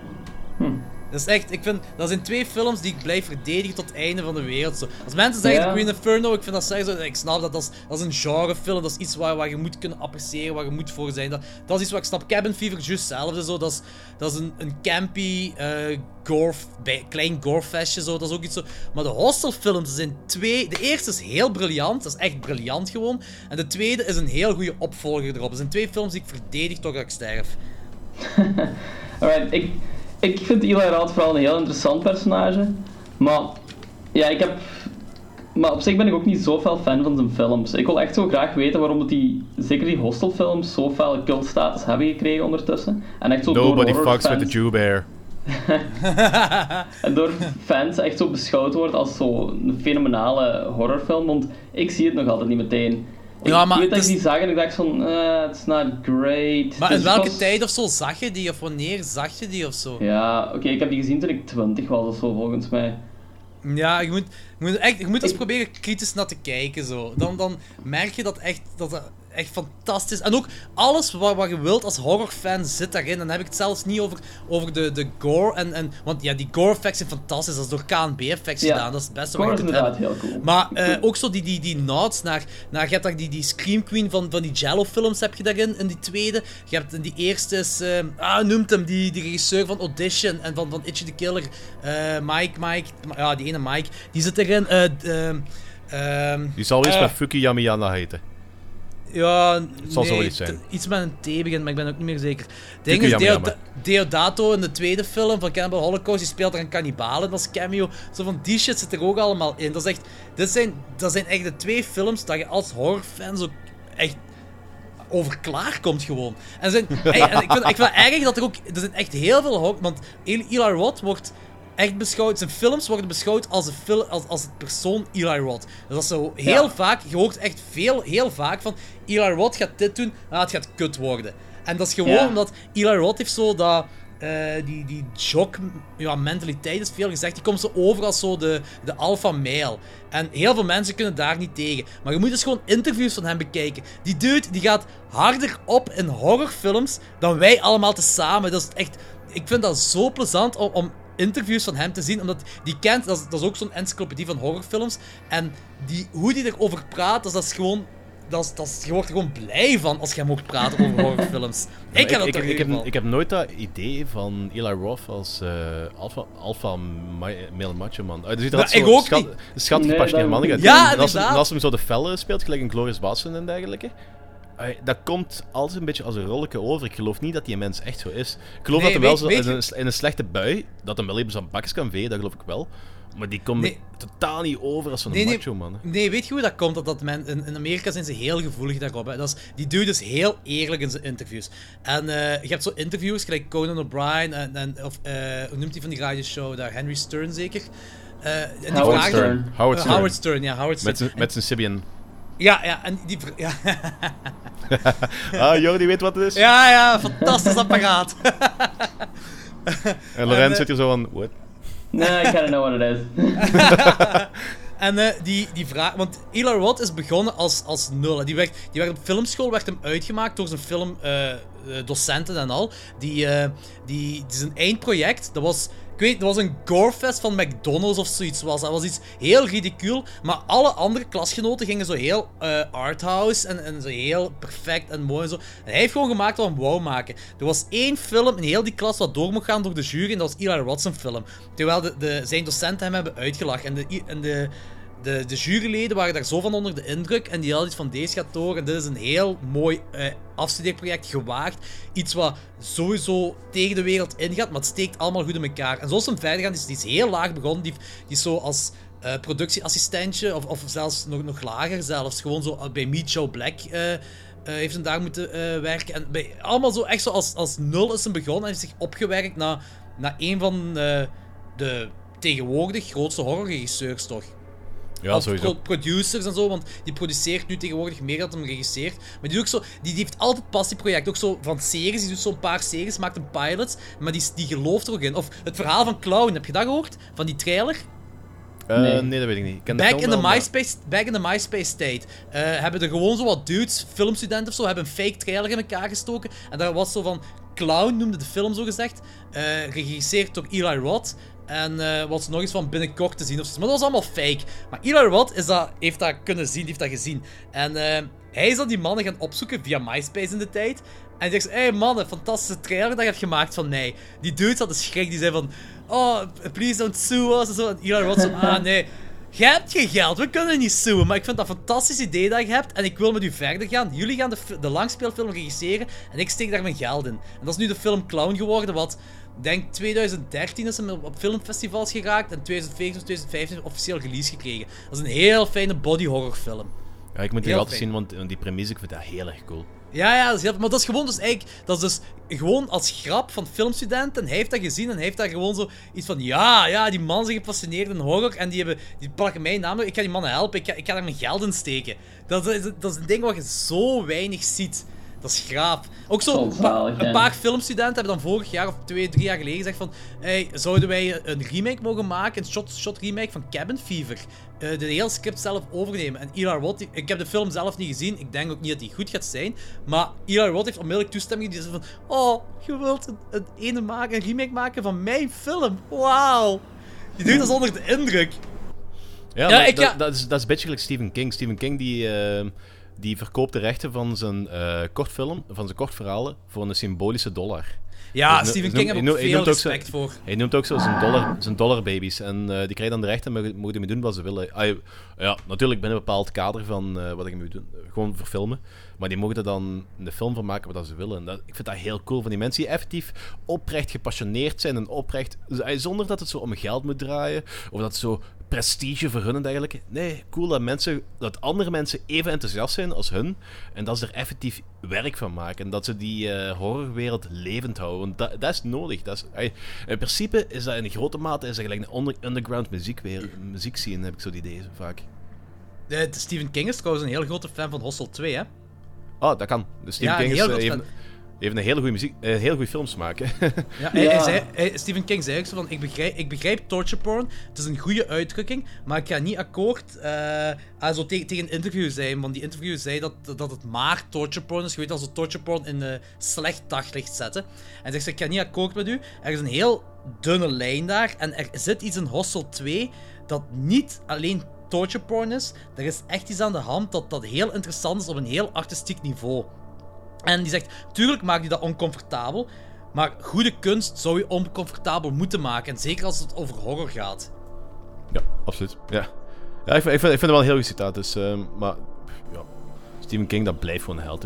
Eh, je, hebt, je hebt nu in de week heb je ook dat lijstje online gezet van die 15 films dat er maar aanraadt. Ja, Ja, ja, maar- ja. Oh, maar dat, is ook- dat, dat is echt knallers van begin tot einde. Hè? Ja, inderdaad. Ik vond het ook een heel coole lijst. Behalve dingen stond er ook zo tussen.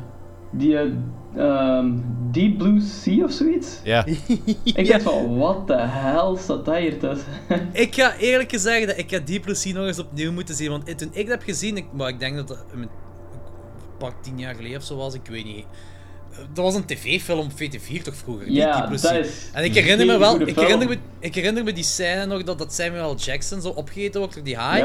Eh, maar ik herinner me niet dat ik daar omvergeblazen werd. Maar ik zie tegenwoordig meer en meer diplomatie opduiken bij mensen die Echt? aanraden. Dus ik ga hem nog eens opnieuw moeten zien. Ik weet niet waarom, want ik vind dat gelijk jij ook daar een beetje verrast door bent. Wauw, oké, ik ga die volgende, ik ga die tegen volgende episode nog Is goed, laat ons dat weten. Ja, Laat ons dat weten. do.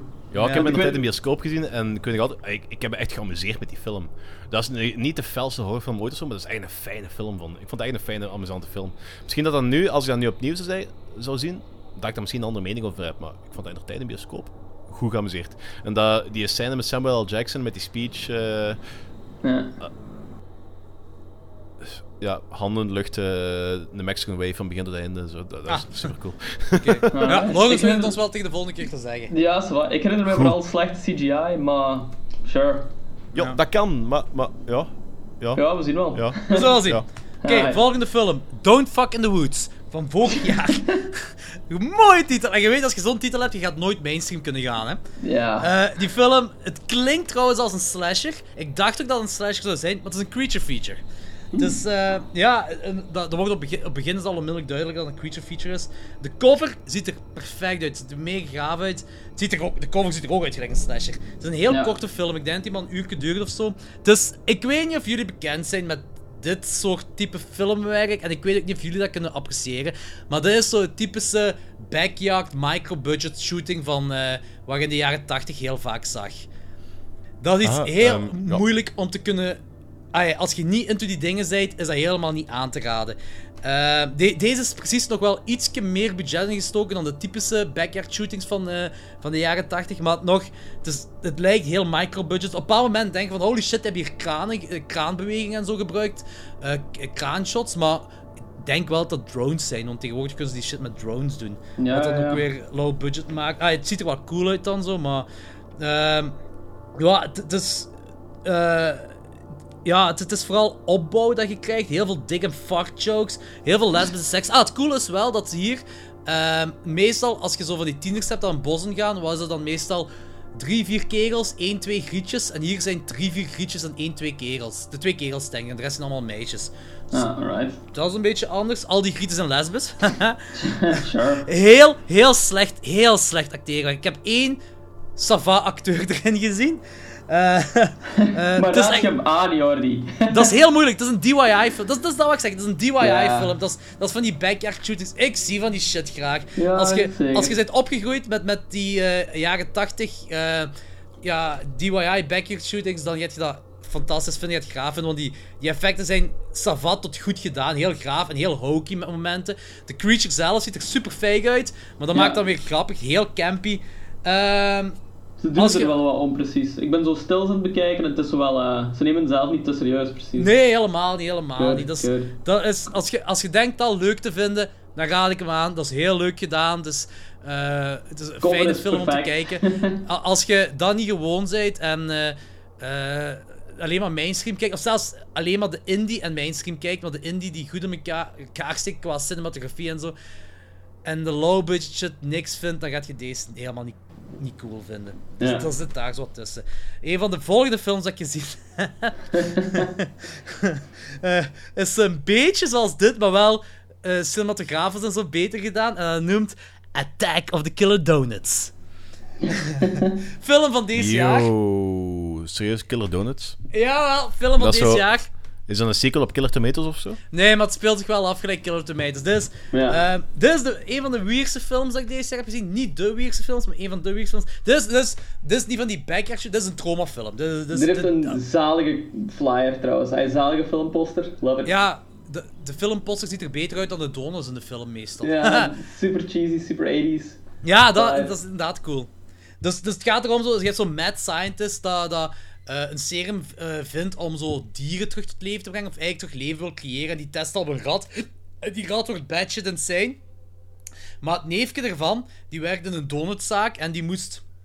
Ik weet niet meer juist wat het was, maar die moest iets hebben van die professor om te tonen in zijn klas of zoiets was dat. En die neemt dan iets, die neemt dan die serum, die pakt af en dat komt dan eh, per ongeluk in het frituurvet in die donutzaak terecht. En dat serum is dus waarmee de dieren tot leven komen. En eh, killer dieren worden eigenlijk. En ze bakken dan de donuts in dat frituurvet waar dat serum in zit. Dus je hebt een heel hoop killer donuts. Je hebt, er zijn te vaak CGI-shots. En, maar dat is erom gedaan volgens mij wel ook zo. Dus op een bepaald moment heb je een scène dat de hele de store is helemaal vol met, met allemaal vliegende killer donuts. En je ziet zo dat die acteurs zijn zo die donuts van een af aan het slaan zo. Dus je ziet dat ze gewoon. Dat is allemaal CGI-donuts. Dus je ziet ze allemaal gewoon de lucht aan slaan zijn. Maar op een bepaald moment in het verhaal stoppen die donuts en vallen ze maar op de grond. En er zijn zo'n paar scènes te veel, een paar shots te veel, dat je nog zo die acteurs in de lucht ziet slaan. Dus, ja, het is, volgens mij geen traumafilm, maar het zou perfect een traumafilm kunnen zijn. Het zit zo in, in, het zit in die aard zo. Dus ehm, als je die shit leuk vindt, want de gory effect, de, de practical effects zijn echt al cool gedaan. Als je die, die shit goed vindt en je bent fan van Attack of the Killer Tomatoes, raad ik hem zeker aan. Als je zegt van, nou die shit is te campy, te hokey voor mij. Ik, nee, fuck it. Blijf Ja, gewoon ik, weg. ik denk eerlijk gezegd dat ik in categorie 2 ga zitten, maar... Ja, ik denk Ik inderdaad Danny, dat jij- ja. Ja, ik, ja, ik heb me wel, wel geamuseerd bij die film, maar ik heb me ook geamuseerd bij Attack of the Killer Tomatoes, dus... Het gaat niks Ja, zijn. Ik heb sowieso nog een lijst van meer dan duizend films op IMDb wat ik moet zien, dus... eh, Ja, same. Denk- En de volgende zou er misschien ene van kunnen zijn, maar misschien Zeg het mij, helemaal Jordi. niet. Ik wacht met spanning. Ja? Predator 2? Nee, nee die staat nog altijd op mijn lijstje. Nee, nee, deze is nog een film van deze jaar, The Lure. Ehm, een Poolse killer mermaid horror musical. Jawel, dat hebben jullie goed gehoord. het, gaat over twee, Hoe vind jij die dingen, serieus? het gaat over twee Zemermin-zussen. dat worden geadopteerd door een of ander cabaret. En eh, de ene zus zoekt eigenlijk naar liefde met mensen. En de andere wil mensen opeten. Eh, het is een weird-ass film. Nog altijd niet de vreemdste dat ik heb gezien dit jaar, maar het is een weird-ass film. Eh, het, is iets, het is iets dat je gezien moet hebben. Het is iets waar je geen tweede keer gaat kijken, maar je moet het wel gezien hebben. Eh, ik haat trouwens musicals en ik heb me toch wel Ja. geamuseerd in deze film. Eh, en het wordt echt na het einde. Het verhaal steekt trouwens echt wel goed in elkaar. Dus je, je- je opbouw, je plot, alles. De effecten zien er vet uit. Als die zeemerminnen op het land zijn, dan, dan krijg je die benen en zo, maar die hebben geen geslachtsdelen. Dus die zien er zo uit gelijk Barbie daar tussenin zo. En dus ja, het Ik is- vind, het ik, vind het wel, ik vind het wel kinky op een bepaalde manier. Dus, eh, ja, volgens mij, hoe noemt een geslachtsdeel van een vis? Is dat cloaca of hoe noemt dat weer? ja. Ja, daar wrijven ze op een bepaald moment over bij die zeemermin. Ze hebben dus geslachtsdeel van de zeemermin gev- gevonden. dus als dat je ding is, zou je het nog wel geel kunnen vinden. Eh, en aan het einde toe wordt het wel wat dramatisch, eh, want omdat de, de opbouw van de film al goed in elkaar steekt. Ik zei, het is een goede film om eens één keer gezien te hebben. Ik denk niet dat ik hem ooit nog eens ga kijken, maar ik ben wel heel blij dat ik hem gezien heb. Ik heb de week wel een trailer gezien van iets met ehm mijn Zemerman, maar dat was toch geen Poolse film? Maar, maar er bestaan wel meerdere Killer Mermaid films, hè. Ja, maar Deze is wel een Poolse. komt binnenkort een nieuw uit. Oh, nee, nee, nee, dat was een serie. Dat is een serie waar binnenkort uitkomt. Over Killer Mermaid. over een of andere zeemermin die uit zijn stadje terechtkomt en dergelijke. En eh, die ook nog altijd vrij gestoord blijkt te zijn. Of zo vrij sociaal onaangepast. Want ja, het is een zeemeermin. Ah ja, oké, oké. Maar, Maar ik weet, ik weet niet of... Ik, ik denk, het viel onder categorie horror, maar ik weet niet of het zo extreme horror het zijn. Dus. Oké. Eh, volgende film die ik gezien heb, ook een van deze jaar. Lair of the Beast. En de tweede titel was eh Chupacabra Territory. Wat meer straight to the point is. Ja, ook, ook een trailer van gezien. Dat leek me wel leuk. Want ik, ik, heb heel- die, ik, ik heb die eigenlijk gewoon gekeken omdat hij een super hoge IMDb-score krijgt. Meer dan 1000 stemmen, ik denk zelfs meer dan 1500 stemmen, wat dan al ja, geloofswaardig is. Eh, 7,1 op 10. Wat super hoog is voor horror. Ja, het een found footage over vier vrienden dat, eh, dat zeker weten dat de Chupacabra of Chupacabras, dat dat bestaat. En eh, ze gaan erop zoeken en ze willen dat vastleggen op film. Ehm, het is een beetje een kruising tussen goh, Wolf, Wolf Creek en Blair Witch Project. Het heeft, het veel... Het heeft ja, meer weg van Blair Witch Project uiteraard, maar ik bedoel niet dat dat... Ik, wil niet zeggen dat elke found footage film weg van Blair Witch Project, maar hier heeft het er echt wel dingen van weg. En eh 7, ja, ik, ik zou denk ik een, een 6,5 geven. Heel misschien een 7. Voor een IMDb-score zou ik misschien dit te veel vinden. Mhm. Eh, ik denk, Danny, jij gaat er meer van kunnen genieten. Want het was, het was eigenlijk echt wel een fijne film. Het zijn dingen- zo'n paar booby traps die leuk waren in elkaar gestoken. Ehm, de, het einde vond ik ook heel goed. Vond ik heel leuk. Straight to the point einde. Straight to the point einde. Het is niet dat er plot twist of zo in zit. Het is een heel rechtlijnig verhaal. Maar heel spannende opbouw met momenten. Ik, ehm, ehm, ja, ik, ik, ik zeg het heeft echt iets weg. Ja, niet, sorry, niet Wolf Creek, maar Willow Creek bedoel ik. Het heeft eh, een keuze tussen Willow Mhm. Creek en, en, en eh, Blair Witch Project. Oké, dat, ga En- dat ga ik cool vinden. Ja, ik zeg, ik vond Willow Creek vond ik minder omdat het een creature feature is en je ziet de creature niet. Ik kan nu niet zeggen dat je in de Chupacabra territory dat je de creature, feature, de, de, de creature niet ziet, maar de opbouw van de Willow Creek zit er wel in. En dat vind ik wel cool. Oké, ik ben benieuwd. Ik ga, hem- ik ga binnenkort eens eh, zien dat ik hem ergens eh, vast kan krijgen. Dan ga ik hem ook wel kijken. Maar ik ben sowieso heel... Ik vind die hele eh, Chupacabra eh, folklore en zo... Ik vind dat mega interessant eigenlijk. Zo, de Goat Sucker en dergelijke. Ja, ik ja, haal inderdaad. die ja. altijd zo wat door elkaar met zo de Bigfoot eigenlijk. Maar Ja, nee, is- nee, het is... Chupacabra, Chupacabra, dat wordt zo beschouwd als zo de alien hond. De hond van En- de duivel, hè? Niet zoiets. Ja. Eh, dat is bepaalde, zijn bepaalde, streken, bepaalde streken wordt dat beschouwd als zo. denken ze dat dat. eh, afhankelijk van waar dat gaat, zeggen ofwel hond van de duivel, ofwel eh, dat dat hond van eh, de aliens zou zijn. Dus. eh, Ah, oké, want ik dacht dat Chupacabra die zoog energie of zoiets, maar ik dacht dat uit mannen was altijd. En dat nee, Chupacabra dat, zelf dat, dat, is een, dat, dat, is, dat is een incubus, dat waar je het over hebt. Incubus, alright. Ja. Ja, Dus, eh, Chupacabra die, die zuigt bloed uit dieren, daar komt ze neer. Dat was ook zo heel goed, ook heel goede effecten trouwens, eh, daarin zo over eh, de dieren. Ah ja, nee, Chupacabra, dat is ook, komt er niet uit zo de Mexicaanse folklore en zo? Ja, dat inderdaad. Spaanse, ja. en, dat is, en ze hebben dat heel vaak met aliens uh, vereenzelvigd, omdat dat, die Ja, zo, ja, ja. Er zouden een paar keer beesten zijn eh leeggezogen op plaatsen waar dat ook die chirurgische ingrepen op koeien en dergelijke zijn gebeurd. En daarom Dat is is er zo die link gelegd tussen chupacabras en aliens. Ik- zo eh, de alien eh, pet en dergelijke genoemd. Dat is allemaal van die dingen wat bijgeloof en eh, folklore en dergelijke, wat eigenlijk nergens op ges- gestoeid is, maar gestoeld is, maar ja. Het is leuk. Ja, ik herinner het mij van zo de ene random Mexicaanse soap aflevering van die X-Files. Daar Ja, ja, ja, ja, inderdaad. Ja. Yes. Ja, ik zeg het, ik vind het aanrader. Ik, ik zou hem ergens tussen 6,5 en 7 geven. Misschien meer 7, want ik, heb, ik vond hem echt wel een entertainende film. Het is een aanrader. Oké, Zeker goed. te checken waard. Eh, volgende film, weer een van deze jaar. Sweet Sweet Lonely Girl. Ehm die gaat over een meisje, Adele, dat gaat bij haar tante inwonen. En daarom moet ze een ander meisje, Beth. Eh Beth is een, een verleidelijke en mysterieuze persoon dat ja, de, de limieten van Adele wilt, eh, en, en, en ook het morele van haar zo wil testen en, en de grenzen ervan afgaan. En ja, dat brengt haar op een, een psychologisch en onstabiele pad met, met heel veel eh, imaginary appearances en eh, eh, dingen wat zo in een droom zouden kunnen zijn, ofwel real life en zo. En ja, de cinematografie is top. Dat is een heel mooie film. De soundtrack ook past perfect in de film. Ehm, ik, vind, ik vind het een heel moeilijke, want ik, ik zit ergens tussen de 6,5 en 7 op 10. Maar toen ik hem gezien heb, wou ik die onmiddellijk opnieuw zien. Omdat in die laatste act gebeurt er... je gaat heel snel voorbij en er gebeurt van alles in. En het is heel moeilijk om alles wat in die film gebeurt in één view mee te krijgen. Ehm, er, is zo, er gebeurt van alles met die tand op het laatste, waar zo'n paar verwarrende dingen zijn. Ah, ik dacht dat dat straight to the point was, tot een bepaald punt en dacht van... Oh nee, er is meer aan de hand. En eh, dat zijn dingen waar sowieso één of twee rewatches voor nodig zijn. En ik, ik, dat is een arthouse film sowieso. En ik denk dat met rewatches ga ik die waarschijnlijk wel meer kunnen appreciëren, of juist niet. Maar ik, ik, het is een aanrader. Ik, ik vind dat jullie alle twee gezien moeten hebben. Ik denk dat Danny sowieso hoger gaat uitkomen dan mij eh, voor deze film. Lawrence weet ik niet. Misschien ook wel hoger dan dat ik dat die vind. Ehm, maar ik zeg, ik heb hem gezien en ik kwam onmiddellijk opnieuw zien. Gewoon om dingen te kunnen snappen. Omdat zeker in die laatste act gaat alles zo snel voorbij. Dat ik heb van, hmm. Het is, het is een vreemde film. Het is een film. Vaak straight to the point. Maar het is sowieso al de moeite waard. Gewoon al van hoe het eruit ziet. En, en om het verhaal mee te krijgen. Oké, cool. Ik ga Ja. hem eh, zien, zien of hij ook eens kan scoren. Ergens kan scoren binnenkort. Dus. Sweet Sweet Lonely Girl, ja, oké.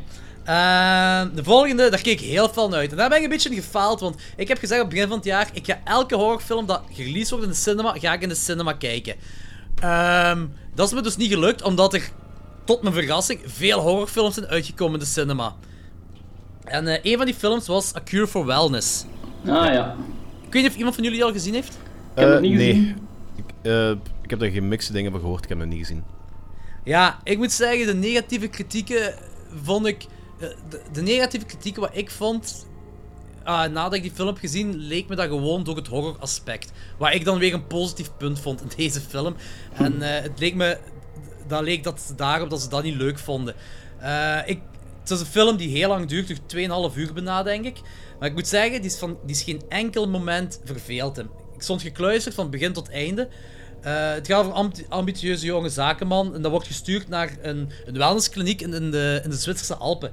Eh, die moet daar de CEO van het bedrijf, de oude CEO, gepensioneerde CEO, whatever, moet hij terug naar New York krijgen, want er was van alles gebeurd met het bedrijf en het was heel belangrijk dat hij terugkwam. Ehm, die gaat dan met de CEO praten. eh, eh, die wil eh, die krijgt hij niet onmiddellijk mee, maar die gaat dan terug weg. En die wil de volgende dag ermee praten. Maar die krijgt een auto-ongeval, die kerel. Ehm, daardoor belandt hij zelf in die wellnesskliniek.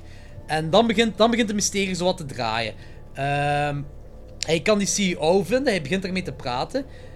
Eh, en je begint zo na te denken, wat is hier allemaal aan het gebeuren? Wat, wat, wat is die, die wellnesskliniek? Die, die mysterie begint heel goed door te gaan. Er gaat daar heel veel... Vanaf het begin is er van alles met dat water aan de hand. Ze hebben daar water aerobics, eh, die, die doen heel veel nadruk van goed water drinken hier en dit en dat. Ja, ja. Dat blijkt dat in die water zit, volgens de mensen van de wellnesskliniek, zit daar een genezende kracht in. Ehm, nu, die, die Dus daarom dat schouwvlieg die dingen verbiedt. Ehm, die, eh, die twist, quote-unquote twist, of de reveals zal ik maar zeggen, of de paar reveals dat erin komen, kan niet zeggen dat die super. Allee, dat je dat niet zou zien aankomen. Ik heb wel een paar dingen dat ik zo zag aankomen. Er zijn een paar dingen waar je wel twee of drie keer over moet nadenken, maar het klopt in het plaatje. Dat vind ik heel belangrijk, dat dat wel klopt. En dat is ook zo dingen zo van, ah, oké, of zo van... Dus dat, die shit werkt wel bij mij. Er zijn een paar dingen wat heel horrific zijn. En dan heb ik het over incestueuze dingen. Ehm, en soms heeft het een beetje weg van, van Shutter Island. Zo, weet je, dat doet je ook zo denken van, denken van... Is die protagonist is nu gewoon Ja, ja. compleet naar de kloot? Is hij zelf gek? ja. Of eh, zo in dat straatje zit. Ik kan niet zeggen welke kant dat opgaat. Eh, Die ik vibe ben, krijg ik ook er wel zo'n beetje van. ja, dat, een beetje trailer of zo. Ja, zo Shutter Island dacht ik. Ja, ja, inderdaad, dat kan ik begrijpen. Zo. Ik, ga, ik ga niet zeggen welke kant het op gaat, maar ik ben content met het einde waar ze zijn opgegaan. Zo, welke zijn Ja. einde ze hebben gekozen. Eh, ik vind het een, een, eigenlijk een heel grote aanrader. Eh, het is geregisseerd door Gore Verbinski. Ben ik niet echt grote fan. Hij heeft de Ring heeft hem gemaakt, die remake, wat ik cool vind. Hm. Dan heeft hem de eerste drie Pirate films gemaakt. Wat ik wel plezante films vind, maar Ja, niet tuurlijk. fantastisch. Ehm, het ziet er fantastisch uit, want hiervan heb ik spijt dat ik die niet in de cinema heb gezien. Deze, gewoon ook de soundtrack is mega zot, mega cool, past perfect in de film en die, die cinematografie ziet er, daar word je van omvergeblazen, ziet er zo mooi uit, zo prachtig. Heel jammer dat ik die niet in de cinema heb gezien. Ik, ik zit ergens tussen een 7,5 en een 8, omdat ik die echt gewoon fantastisch vind. Heel, ja, die, die slechte kritiek, wat ik gelezen heb in ieder geval, dat, dat, dat is... Als je de film gezien hebt, dan komt dat door het horrific gedeelte. Door, er komen heel veel van die horrific shit in voor, zeker in de derde act, wat ik graag vind van die dingen. Ik ben een horrorfan. En dat is niet goed ontvangen qua film, omdat die film zich niet opbouwt naar zoiets toe. Ja. Oké, zo. Eh, cool. ja, ik, ik kijk hem sowieso en laat dan weten wat je ervan vindt. Eh, de, de volgende film die ik gezien heb, ook een van dit jaar, Hoeveel zijn er nog? Eh, ik, ja, eh, 65. Nee, nee, is niet waar. Een paar nog. Eh, Bethany. Eh, Bethany, dat poster en artwork ziet er afschrijselijk uit. Want ik, kwam, ik had hem al geskipt op voorhand. Ik zag hem ergens verschijnen. Ik zei, ja, deze ga ik nooit kijken. Maar een paar mensen hebben die aangeraden. Weet je wie er meedoet? Eh, Van welk jaar is die film? Nu, deze jaar. Van Het is dit maar een paar maanden al. oud. Eh. Shannon Doherty van Charmed. Amai, leeft hij nog? Ja. En Tom Green. Oh man. Leeft hij Ja. nog? Leeft hij nog? Ik was niet psyched toen ik die naam zag verschijnen. Maar ik moet zeggen, die dude die, die is ook een beetje gecamoufleerd door een, door een baard en een, en een, eh, een klaksje. Dus ik had niet onmiddellijk door dat hij het was. Maar hij speelt een vrij rechtlijnige eh, counselor slash vriend van het koppel waar de film over gaat. En er zit niks comedie in. Die poster is afgrijzelijk. Ja, ja, het is heel afgrijselijk. Op poster afgaande zou ik de film niet zien. Good god.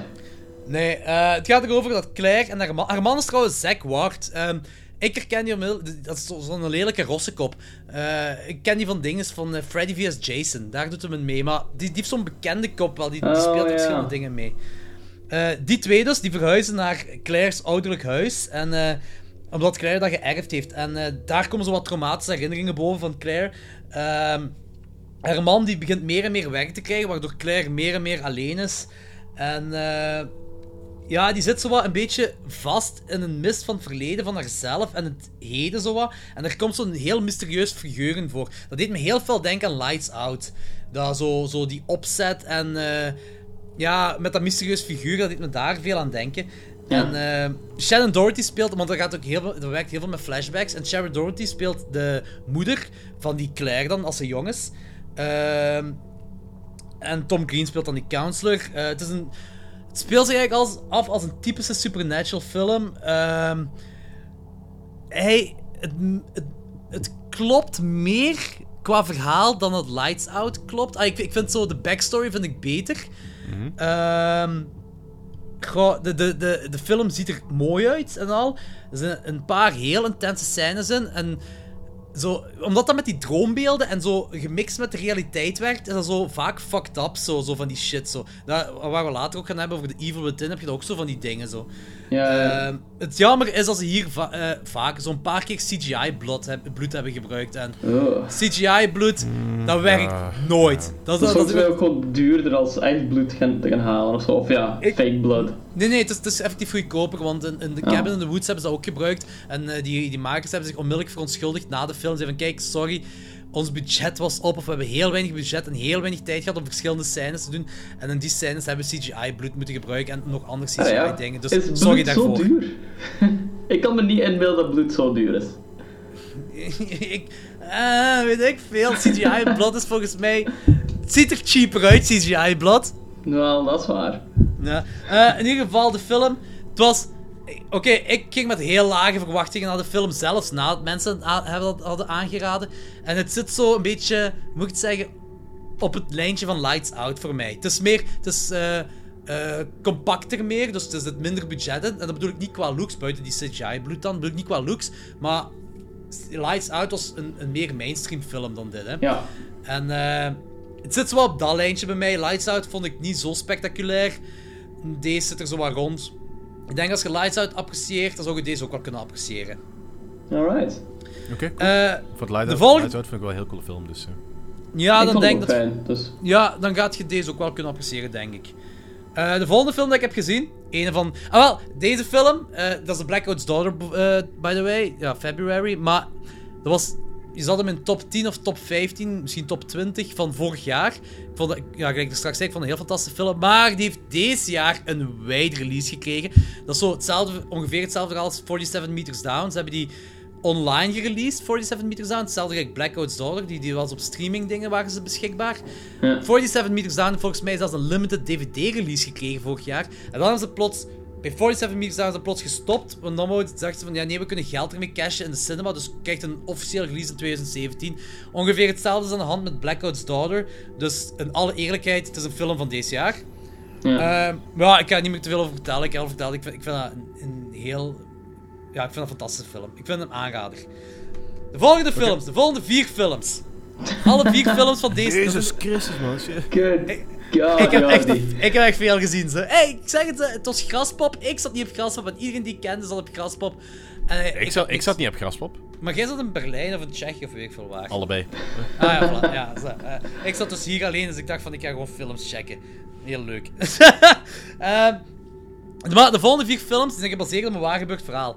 Eh, drie daarvan zijn zo. eh, niet, niet zoals we gewoonlijk kennen, niet zoals bijvoorbeeld Alive met eh, die voetbalteam wat daar in, de, in de, die, de gebergte daar neerstort en ja. Niet zo, want dat is een rechtlijnig, ai, waargebeurd verhaal. De volgende drie, drie van de vier zijn meer zo gebaseerd op een waar gebeurd, maar zo hun eigen realiteit eraan gegeven. Niet zo fel gelijk een Glorious Bastards heeft gedaan, dat nu niet, maar ehm, hoe moet dat- meer zo gelijk The Sacrament. Hebben jullie The Sacrament gezien? Ja, Nee. mega goed, hè. Ja, wat zo gebaseerd is op die... die eh, dat de Massacre. Ja, wel, wat daarop gebaseerd is, maar het is niet dat die, die Jonestown Massacre zo gebeurde is. Helemaal niet zelfs. Maar het, het heeft gewoon dingen ervan weg. En die andere, die films nu waar ik het over ga hebben, die hebben ook zoiets. Dat toch drie daarvan. Zo'n beetje gelijk Capture Kill Release ook. Want dat begint zo'n beetje een, een trend te worden, heb ik het gevoel. Ik heb zoveel van die films gezien van deze jaar, die zo zijn, waaronder Capture Kill Release ook. Ehm... De eerste, de eerste is wel een rechtlijnig verhaal. En dat is waarom ik de Manson fan heb gekeken. En dat is Wolves at the Door. Ehm, dat is een home invasion film, wat gebaseerd is op de mensenmoorden.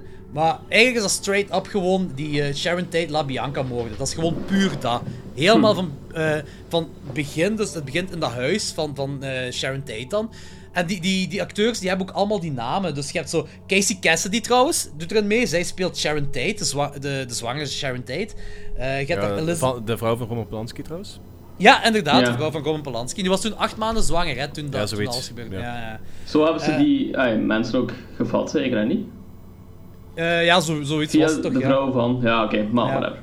Eh, dan heb je Elizabeth eh eh, Henstridge, dat Abigail speelt. Dus de echte Abigail. Ja, ze noemen die Abby in deze film. Ehm, Adam Campbell speelt, eh, hoe noemt hij weer? Woshik? Woshak? Uh, Frikowski, die kerel in ieder geval. Eh, dan heb je Miles Fisher als eh, Jay Sebring en Lucas Adams als Steven Parent. Dus al die slachtoffers van toen in de tijd, die worden dus effectief geportretteerd hier door acteurs. Die krijgen ook die namen en zo. Alleen de moordenaars, die hebben geen namen. De moordenaars zijn anonieme mensen die, die vaker op, op de achtergrond van de film zitten. En dat maakt dat heel intens. Die, die, dat maakt die film ja, super intens zelf. En de film krijgt heel veel kritiek door het einde. Het einde voelt niet compleet. Maar dat is gewoon omdat het einde van de film is het einde van die nacht wat er toen gebeurd was. Dus dat is hetzelfde gelijk mensen die zeggen: Ja, ik vind Zodiac geen goede film, want dat heeft geen einde. Ja, Ja, de film, de, de moordenaar van Zodiac is nooit gevat, hè? Ja, inderdaad. En Dus Zodiac is trouwens een van de beste films aller tijden. Just putting that out there. Maar oké. Ik, ben ook, ik ben ook fan van Zodiac. Ik vind dat ook Er komt trouwens, nieuw, komt trouwens een nieuwe film van. Ah, Eh, Ah, echt? maar ik denk deze dat dat dat iets meer. Wacht, ze de fictie- moordenaar wel vatten. Ja, nee, ik denk, denk dat dat, ik denk dat dat gebaseerd gaat zijn op, Zo- op Zodiac-historie. Dat dat dan eh, een beetje een, een, het gebied van de fictie gaat belanden. Ugh. Ja, dat reactie daarop. Zie- je, dat, is zo, dat is zo die trend wat nu aan het gaan is. Zo van, je neemt een waargebeurd verhaal en je, maakt er je, eigen, je geeft er je eigen realiteit aan. En dat is... Ja, soms kan dat werken, maar soms ook gewoon niet. Ja, ik En, eh, nu- maar- ik daarvan moet denken. Ja, Wolves at the Door is wel straight up, straight up het verhaal daarvan. Ik, had, ik heb trouwens een heel grote Strangers vibe gehad. Ja, het is sowieso een home Ja. invasion film. Maar ook omdat die, die moordenaars, die spelen zo'n beetje met de, met de 2B slachtoffers. En dat vind ik, vind ik cool. Eh, ik, kom, ik, ik, ik kom sowieso hoger uit dan, dan al die mensen. Die, ik geef die een 7,5 op 10. Ik vond dat een heel entertainende film. Ik vind, ik vind ik- die gaan heel respectvol om met eh, hoe die shit gebeurt in het echt. En dat, dat apprecieer ik heel hard. En ook dat einde, filmgewijs gezien, de, derde, de hele derde act trouwens, filmgewijs gezien. Ja, ik snap, ik snap de kritiek daarop, maar langs de andere kant, als je met de realiteit wilt mee zijn in je film, je kunt geen andere weg op gaan dan, dan, die, dan die hele derde act wat ze gedaan hebben. Dus ik vind dat ze een goede keuze hebben gemaakt. Ik vind een heel grote, ik vind een heel grote aanrader, die film. Alright. Echt wat. heel fel. Heel, heel even, even tussen haakjes. Ehm, ja, ik ben een Instagram-hoer. Ik heb er straks een fotootje online gezet van eh mijn setup hier om zo wat reclame te maken voor de aflevering. En dan word ik zo, eh krijg ik dan een like van iemand die eh Kieran Monroe official heet. En die heeft bijna niks anders dan foto's van de Manson family erop staan. Onder, onder andere de hele van eh, Susan Atkins en dergelijke. Ja, ik zit er ook En op. fuck? Effectief ook eh, scene, foto's van de crime scene en dergelijke, met lijken en alles erop en eraan. Dus Yep. ja, dat is wel toevallig. Een beetje te toevallig, een beetje creepy. Graaf, Ja, ik, heel ik- cool. ik, ga, ik ga mijn raam dadelijk dicht doen. Maar heb jij mensen hashtags gebruikt? Nee, juist niet. Ah, Eh, nee, helemaal niet. Dat is je straf eraan. De enige hashtags die ik heb gebruikt die, eh, rekening, die verband houden met het gesprek wat we nu hebben, zijn eh, Dark Knight of, of Scarecrow, The Evil Within en Sibian. Weird. Goeie hashtag, Sibian. ja, hey, die, sinds we die podcast hebben, zie ik alleen maar van die rare, fucked up toevalligheden. Echt, graaf een beetje wel. Ja. Eh zwart, Wolves at the Door, check. Ik vind dat een heel, heel grote aanrader. Ik was mee met die film van begin tot einde. Ik ben ook heel veel geïnteresseerd in de geschiedenis van die Manson family. Dus op plaats, op plaats van die film laat ze ook weten van, kijk, eh, want heel die film lang, je- als je weet waar het, eh, hoe die family, hoe het allemaal gebeurd is, dan weet je het onmiddellijk van begin tot einde dat het dat is. Maar ze laten het op laatste pas weten. Zeggen van, kijk, deze mensen hebben echt bestaan. Deze mensen hebben daarna nog dan, dan, dat gedaan. En ze laten ook een foto van Charles Manson zien. Ja, Charles Manson zelf was niet, ter- eh, niet in de film zelf, maar dat is, ja, die, die was ook niet ter plekke toen. Hè. Ja. En eh, aanrader. Volgende waargebeurd verhaal dat ik gezien heb, ook een film van deze jaar, genoemd Hounds of Love. Eh, een Australische film dat zich afspeelt in 1987. eh, gebaseerd op een echt gebeurd verhaal. Eh, de, de, dat verhaal, ah, ja, het echt gebeurde noemden ze de, de, Moore, de Morehouse Murders. Eh, je hebt dan David en Catherine Burney, een koppel in Australië dat vier vrouwen hebben verkracht en vermoord. En het vijfde slachtoffer is kunnen ontsnappen. Dat is het echte verhaal. Het potentiële vijfde slachtoffer van, van die twee, dat, dat heeft hem dus verraden. Dat was een 16-jarig meisje, dat was ontsnapt. omdat die, eh, de vrouw, dus die Catherine, die was onoplettend. En daardoor is zij naakt uit het raam kunnen klimmen. Ze een, eh, een winkel binnengegaan en eh, daar verklaarde ze onder bedreiging. Dat verklaarde ze dat ze onder bedreiging was van een mes en zo ontvoerd was. Dat, stel had dan dat haar dan vastgeketen en had dan ook seks waar ze bij was. En vervolgens is zij zelf ook verkracht.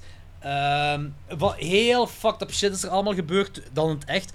Ehm, de, de verkrachting zelfs, die man verkracht haar, de vrouw keek dan toe dat hij verkracht werd. En het meisje vertelde dan, eh, de politie, eh, waar dat zich afspeelt, en daardoor zijn die opgepakt. Eh, en dan zo, na verschillende ondervragingen, waar, was het koppel was dan gesnapt, die hebben dat toegegeven. Die hebben ook toegegeven dat ze vier andere meisjes, zo, meisjes, er waren vrouwen die, die, die variëren tussen de 15 en de 31 jaar. Er was, er was geen constante en die hebben gewoon gepakt wat ze konden pakken. Dat was een soort van fetish. Ja, dat was een soort van fetish van hun. En eh, die vrouw die zei dan zo van. eh, want die vermo ze vermoorden elk slachtoffer ook zo. Eh Ene gaven ze dan van die eh, te veel slaappillen. En de laatste hadden ze dan met een bijl een stukje gehakt en dan begraven. En die Catherine beweert dan dat ze door die laatste moord. eh, door die laatste moord. moord. Nee. Door die laatste moord had hij een vieze nasmaak te pakken gekregen en heeft ze dan onbewust dat vijfde slachtoffer laten ontsnappen. Dat was dan haar verhaal daar rond. Nu, die film die speelt zich wel daarop in. Ik vond dat... Ze, ze willen dan zo...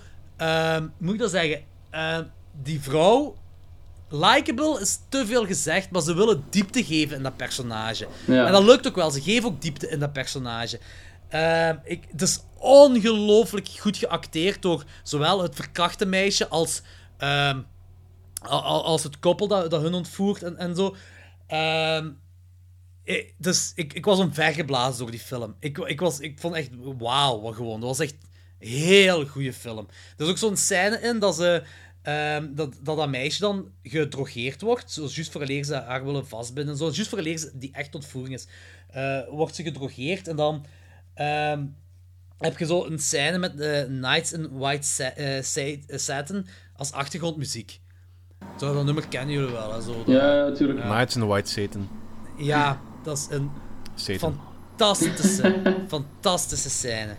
Echt heel disturbing scènes ook. En een hele grote aanrader. Ik, ik, geef, ik geef die een 8, tussen de 8 en 8,5. Dus ik Ja. vond het De film super krijgt ook vette 91% op Rotten Tomatoes, wat best veel is voor zoiets. Oh ja, dat is inderdaad wel veel. Echt heel, heel groot aanrader, check hem. De volgende film, ook een film uit 2017. En dat is, dat is zo'n film waar zo gebaseerd op een waargebeurd verhaal, maar toch zo waar ze hun eigen realiteit aan geven. Zo, het waargebeurde verhaal, dat is zo... Dat gaat op, dat, eh, de film noemt Johnny Frank Garrett's Last Word. En dat is gebaseerd op een documentaire uit 2008 wat The Last Word noemt. Het deed me ook trouwens heel veel denken aan Making a Murderer. Het gaat erover dat een dude... ehm, onschuldig geëxecuteerd is. En dat is pas jaren later, door DNA, hebben ze kunnen bewijzen dat dat onschuldig is. Nu, die film, die speelt, dat gaat over die kerel, die zou dan zogezegd een non verkracht hebben. En eh, die film speelt zich af, zo, de realiteit, tot aan die executie. En eh, hij heeft dan zo, in een brief ervoor, heeft hem geschreven dat hem iedereen zou vervloeken die iets met die moord te maken heeft. Ehm, en dan gaat het zo aan, na een tijd naar supernatural toe. Ehm, hoe moet ik dat uitleggen? Ehm, kijk, moest dat nu geen waargebeurd verhaal zijn, dan had ik er anders naar kunnen kijken. Het zal- nu was het gewoon van, ik wil weten wat er echt gebeurd is. Want Ja, er waren ja. ook zo, eh, er waren ook zo, in het echt waren er ook zo mysterieuze moorden gebeurd, of ja, dood, eh, sterftegevallen gebeurd, over mensen die hebben ervoor gezorgd dat hij geëxecuteerd werd. Er zijn mensen die effectief gestorven zijn, zo heel mysterieuze omstandigheden. Ja, uiteraard, ik ga er niet vanuit dat dat allemaal supernatural is gebeurd. Maar in, die film, in de film is dat allemaal supernatural. En ze gaan die kant op. En dat is een keuze die gemaakt. Het is ook een heel goede supernatural film. Maar ik zat altijd in mijn kop van, ik wil het echt te zien. Ehm, het is nog altijd een entertainende film. Ik heb me goed vermaakt tijdens die film. Zelfs ik, dus, ik, het is heel entertainend. Een 7 op 10, zeker waard. Sean, eh, Sean Patrick Flannery doet er ook in mee. Ha, ook al. Ja, inderdaad. En ook, die dinges, die, die dude, die, die Johnny Frank Garrett, die geëxecuteerd is, was ook een retard. Grappig. Eh, ik zei het, het is een toffe film, een aanrader. Ik had gewoon, ik had meer over het echte willen weten, dat is alles. Alleen, de, de looks van de film vond ik niet leuk. Dat was zo heel licht sepia-toon, zo gelig. Zo, ik, vond, ik, Ja, vond, ik vond dat geen is een goede beetje look. achterhaald ook zo. Ja, ik, ja ik, vond- dat was mijn ding niet zo. Dat was een, zo een van de grote minpunten wat ik Maar dat klinkt alsof ze gewoon dan een Instagram filter overheen hebben gesmeten. Zo ziet de film ook een beetje Ik uit. ben ook niet echt overtuigd van deze film. Ah, van Ja. die- dezelfde, ik wil eerder zo die Hands of Love wel checken. Die klinkt heel cool eigenlijk. Hounds of Love was, was ook veel beter dan deze film. Sowieso, dat was een heel goede film, een heel straffe film. Eh, de volgende film was ook heel straf. Lake Bottom. Ook, een, ook een van deze jaar. Eh, een Finse film. eh, eh, ja, de, de premise is: iedere, camp, iedere campers ergste nachtmerrie wordt realiteit bij Lake Bottom in 1960. Toen vier tieners neerges- neergestoken werden in een tent. Dus gebaseerd op een waargebeurd verhaal. Eh, hoe het in het echt ging is dat in 1960 wa- werden drie van de vier tieners aan Lake Bottom in Finland neergestoken op een, op een nacht. Heel brutaal. En eh, de enigste overlevende, die ook heel fel gewond was, in elkaar geslaan precies en zo, eh, die leidde eigenlijk tot en met 2004 een normaal leven. En in 2004, dus dat is dan meer dan 40 jaar later, werd hij plots een verdachte van deze moordzaak. En een jaar later werd hem vrijgesproken wegens dat eh, de, de, het klopte niet met de bewijzen, met de DNA en zo. Je je- heel dat verhaal vind je op Wikipedia als je dat wilt lezen. Ik heb het allemaal gelezen, het is heel interessant. Er Ja? waren ook zo vijf andere verdachten, waarvan er twee, als ik dat zo lees, heel fel verdacht waren. En, en dat was raar dat, ze nooit, dat die nooit zijn echt opgepakt. Ehm, en de film gaat het eigenlijk over een nieuwe groep tieners. En die willen het, die nacht recreëren. Want ze geloven niet dat één of meerdere moordenaars eh, die tieners hebben kunnen neersteken. En die denken dat er andere factoren aan de hand waren. Eh, de film speelt zich af als een slasher, maar niet, geen campy, che- cheesy slasher gelijk we gewend zijn, maar het is echt een serieuze slasher. Het is een heel serieuze film ook. Eh, en er zijn twee heel coole twists op laatst. Ik was mee met allebei de twists.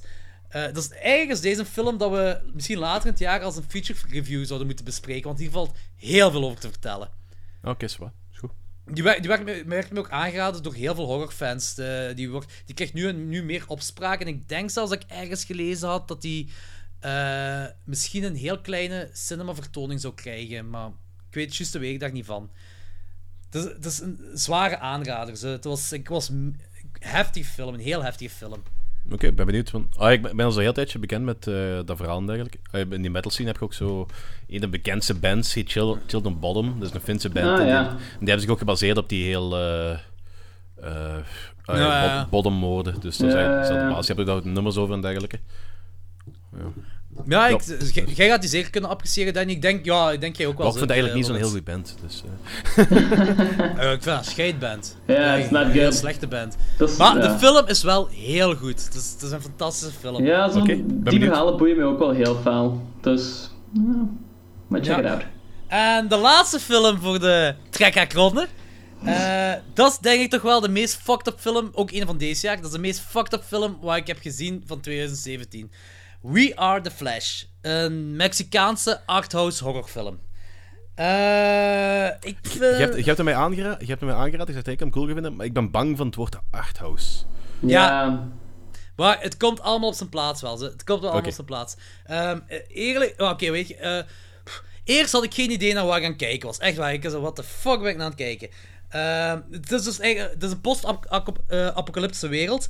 Eh, waar een broer en zus die proberen te overleven. En die zoeken naar eten en onderdak. En ze hebben ook echt wel onderdak. Ze hebben echt een gebouw nodig. Want je ziet zo op de achtergrond van die firestorms en zo. Dus ze laten nooit weten wat er gebeurd is. Maar je ziet... Je wilt niet in de buitenwereld leven. Je kunt dat ook niet overleven in de buitenwereld. En eh, die komen een dude in dat gebouw tegen. Eh, en die biedt, die zegt van, kijk, je mocht hier wel wonen, maar in ruil moet je deze gebouw omvormen tot een soort van cocoon of een grot, zoiets, een cave-achtig iets. Ehm, ik denk trouwens dat de dat een baarmoeder moet voorstellen. Zoiets. Kijk, de, als je film ziet, dan, dan snap je wel waar ik heen wil gaan. Eh, maar hij eist ook dat de broer en zus seks met elkaar hebben terwijl hij toekijkt.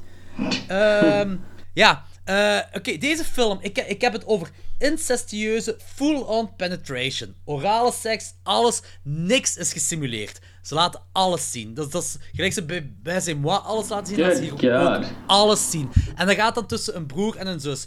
Dus op een bepaald moment heeft die kerel er zelfs niks meer mee te maken. En gaat het gewoon om de broer en zus. En eh, de broer is er niet echt into, maar die zus is heel fel into seks met haar broer te hebben. Dat is echt... En eerst dacht ik ook van, dit is gewoon shock voor shock value. Dus de, dit, dit gaat nergens naartoe gewoon. Dus, dit is van die pretentieuze arthouse shit waar ik gewoon niks mee te maken wil hebben en ook de film niet wil zien. Eh, totdat je het einde van de film hebt. En dan... Nee, echt. En dan klopt alles. En daardoor, door dat einde van de film, heb ik... Dat, weet, dat, alles wat ik dacht van die film, heeft, een, heeft mij een heel ander perspectief gezet over mijn gedachten van die film. Het is, het is raar om te zeggen, het is iets... Je kunt, je kunt alleen snappen wat ik bedoel als je de film zelf ziet. Het einde is trouwens... de film gaat heel veel naar het nihilisme toe. Zo. Zeker als je met, met het einde, met de rest van de film bekijkt en zo. Eh, ik dacht trouwens dat het einde, dat dat... Weet ik veel, dat dat van alles betekende. Maar het is gewoon straightforward. Ik heb daarover zitten opzoeken. Dus er zijn heel veel artikels over deze film geschreven. Ik vind daar heel veel over. En eh, het is een heel straightforward film. Wat heel raar is als je de rest van de film bekijkt. Er is ook trouwens een scène waar eh, die, die Griet, de zus, die, die staat boven de, boven de broer en die zegt open je mond. En dan laat ze haar maandstonden vloeien. Ah, Ja. dude. Dat, dat, zijn echt, dat zijn echt van die eh, horrific moments dat, dat je zo doet een beetje kokhalzen. Ja, het, zijn, het zijn geen echte broer en zus, neem ik aan. Nee, nee, nee, nee. Ze hebben echt seks met elkaar, maar het zijn gewoon twee acteurs. Het zijn geen echte broer en zus. Maar weet je, die film speelt zich zo uit. Dat is, dat is echt dat is fucked up om te zien. Zo. Dat is echt, oh. ik, eh, ik was met het einde toe aangenaam verrast over die film. Ik had... Ja, nee, gewoon dat ik het... Ik dacht dat dat een film was. Doorheen heel die film dacht ik, ik haat deze film. Ja. Ik, deze film is... Fuck die film. Ik dacht dat een Serbian film shit zou zijn voor mij. Ik dacht dat dat zoiets zou zijn. En dan met die derde act klopt alles. Er is ook zo trouwens een, een eh, cannibalistische orgie aan de hand ergens doorheen die film. Zo. Dat is echt... Weird as shit. We are the Flash. Ik raad hem aan iedereen aan. Oké? Ik, ben ervan overtuigd dat niet iedereen die goed gaat vinden en echt een what the fuck moment gaat hebben, maar ik raad hem aan iedereen aan. Denk je dat ik hem cool ga vinden? Ik denk dat jij die fantastisch gaat vinden. Ik denk dat jij die Fuck zelfs de beter dan rest mij van de gaat wereld. vinden. Fuck de rest van de wereld dan. Denk je dat ik die cool ga vinden? Eh, ik, ik denk dat jij op- hetzelfde gelijk mij gaat hebben, zodat je zo Want- aan het einde toe dat gaat kunnen appreciëren. Hm. Ehm, maar dat je de film gaat haten doorheen de film. Ja, oké, zo. ik, denk, denk dat het zoiets gaat zijn. Zo. Maar ik raad hem echt al aan aan iedereen. Alright. Awesome. Ik is- ben benieuwd. Dat is trouwens nu, eh, hierdoor zit ik nu aan 41 horrorfilms uit wat deze jaar zijn uitgekomen wat ik gezien heb. Waarvan je de helft dit weekend hebt gezien, volgens mij. ja, ik, ik heb er denk ik in totaal eh, 12 of 13 gezien zo deze weekend. Ik wil heel snel nog even iets wat bij de trekhaakronde past. Want Ja. eh, uit, het, is, het is geen bespreking van film. Het is even eh, heel snel een nieuwtje over een film dat volgend jaar uitkomt. En dat is eh, het vervolg op de coolste reboot van vorig jaar, Jurassic World. Daar zijn nu eh, twee nieuwtjes van eh, bekendgemaakt eh, deze week en vorige week. Vandaag is bekendgemaakt dat die Jurassic World Fallen Kingdom gaat heten. Dat is allemaal Ja. tof. Maar het belangrijkste is dat dat waarschijnlijk eh, de meest horrorfilm uit de, uit de hele reeks gaat worden. Yes! Ja, want eh, die, die maker Yes! is een hele grote horrorfilm en hij heeft gezegd van... eh, eh, het eerste deel wordt een Jurassic Park film met een, eh, in het midden een eh, heel cool actiesegment. En de tweede, dat echt, we gaan er echt horror heel fel benaderen en echt de, de Spaanse horror, de Guillermo del Toro horror. Ah, zalig. Dus ik ben heel benieuwd wat ze daarmee gaan doen. Ik beeld mijn eh, costume dramas in. I'm psyched. ik ben eigenlijk ook heel psyched. Ik vond Jurassic World ik vond een fantastische sequel. Ik was Amai, dat mee, is ik was echt mega mee. goed. En, ik vond hem ze- goed, niet geweldig. Ik was echt wel mee. Ik vond het echt heel cool. Het was veel beter. Het was echt veel beter dan ik, dan ik had verwacht dat hem zou kunnen worden. Dat was alles wat ik had gehoopt dat hij ging worden. Dat, dat heeft gewoon alles ingelost. Want, Ik ja, vond hem niet slecht, hè, maar ja. Ja. Ik, ik, maar ik vond... Ik heb zo de originele Jurassic Park vond ik heel goed en zo, maar ik ben nooit er zo psyched over geweest als iedereen anders. Heb ik de Voor mij. Ja. voor mij is dat een van de films geweest. Dat, de eerste dat is de eerste film geweest die ik ooit in bioscoop Ja. heb gezien. Snap dat ik. heeft bij mij zo'n ongelooflijke im- impact achtergelaten. Dat, ey, dat is, Ja, met veel mensen denk ik. Dus... Oké, dat was de trekkerronde. En dan gaan we nu over naar de eerste Retard Future Review van de avond: Dark Knight of the Scarecrow. yeah. Tonight, On the CBS Saturday Night Movies, this gentleman saved this little girl's life, but they accused him of harming her. We Do this ourselves. And he was tragically murdered. Now, one by one, the men of this town are dying. Who is his avenger? Is it the dead man's grief-stricken mother? They killed my boy! The little girl who loved him? I know what you did to Baba. Or could it be the Scarecrow? Dark Night of the Scarecrow, coming up next. Oh shit, ik lees dus op Vertigo. Eh, originele kopij Suspiria teruggevonden. Ja, inderdaad. Ja, de, de, de Italiaanse versie met extra met eh eh, uncut. Holy shit. En ze gaan er nu. Gaan ze die zijn opnieuw nu- uitzenden? Eh, dus die zal waarschijnlijk... Waarschijnlijk hebben ze die... eh, ze hebben die gevonden ergens in, in een bioscoop dat als de jaren 90, eh, 70 niet meer heeft gedraaid. En ehm, ik denk dat ze dat onmiddellijk gedigitaliseerd hebben. En nu zijn ze met die originele spoelen zijn ze op tour. Yes, vet. Oh, ik hoop dat ze naar België komen. Ja, ik geloof Amerika momenteel. Ja. Waarschijnlijk. Typisch. Ha. Ehm, Suspiria wil ik ook nog eens een keer bespreken, want ik vind dat een mega Ja, jaar is het perfect voor, want de sequel gaat uitkomen dit jaar. Ja, nee, remake, sorry, de remake. Remake. Ja. Ja, de remake. Dus kunnen we een eh, versus of doen, zo oud versus nieuw of zo. ja, ik wil het wel heel graag doen. Ja, zeker. Goed. Want wat ik tot nu toe van die remake heb gelezen, eh, denk ik dat onnodig, maar niet slecht. De ideeën wat ze hebben. Hm. Want ze willen dat echt wel heel erg, en D'Argento eh, zijn stijl, ook dat kleurgebruik en dergelijke, willen ze blijven be- bewaren, dacht ik. Daar kun je niet, niet van wegstappen, hè. Dat, dat, is, Ja, dat is de godfather van, van, van dat soort cinema, dus daar kun je niet van wegstappen. Ja, maar dat, dat, dat, is, ook, dat is ook goed dat, dat, dat ze al met een goede mindset hebben, want je hebt heel veel van die films die eh, zeggen van, oh ja, we gaan een remake en alle belangrijke aspecten. Ja, fuck dat, dat was zo'n excentriek eigenschap van die regisseur, we gaan dat niet meer doen. Ja, nee, nee, ze doen het inderdaad wel, dat is cool. Oké, cool. Oké, nu Dark Knight of the Scarecrow uit 1981 met tagline. Shit, dat is een lange tagline. Ja. What has this girl done that is driving the town mad? What is the terrible act people are about to com- What is the terrible act people are about to commit? And who is the only person who can save her? Geregisseerd door Frank de Felletti. Felita? Felletta? Fellatio. Fe Felas? Nee. Fel Felita. Frank de Felita. Geschreven door J.D. Fagelson. En dat is ook eh, de, schrijver van Wes Craven's Schiller. Ehm, als cast. Charles Durning als Otis P. Hazelrick. eh, Robert F. Linesels als Skeeter. eh, Claude Earl Jones als Philby. En ah, dat is die bij Bride Reanimator en Evil Speak gespeeld. Eh Lane Smith als Harris Hooker. En die ken ik vooral uit, eh, als Perry White uit Lois, Lois and Clark.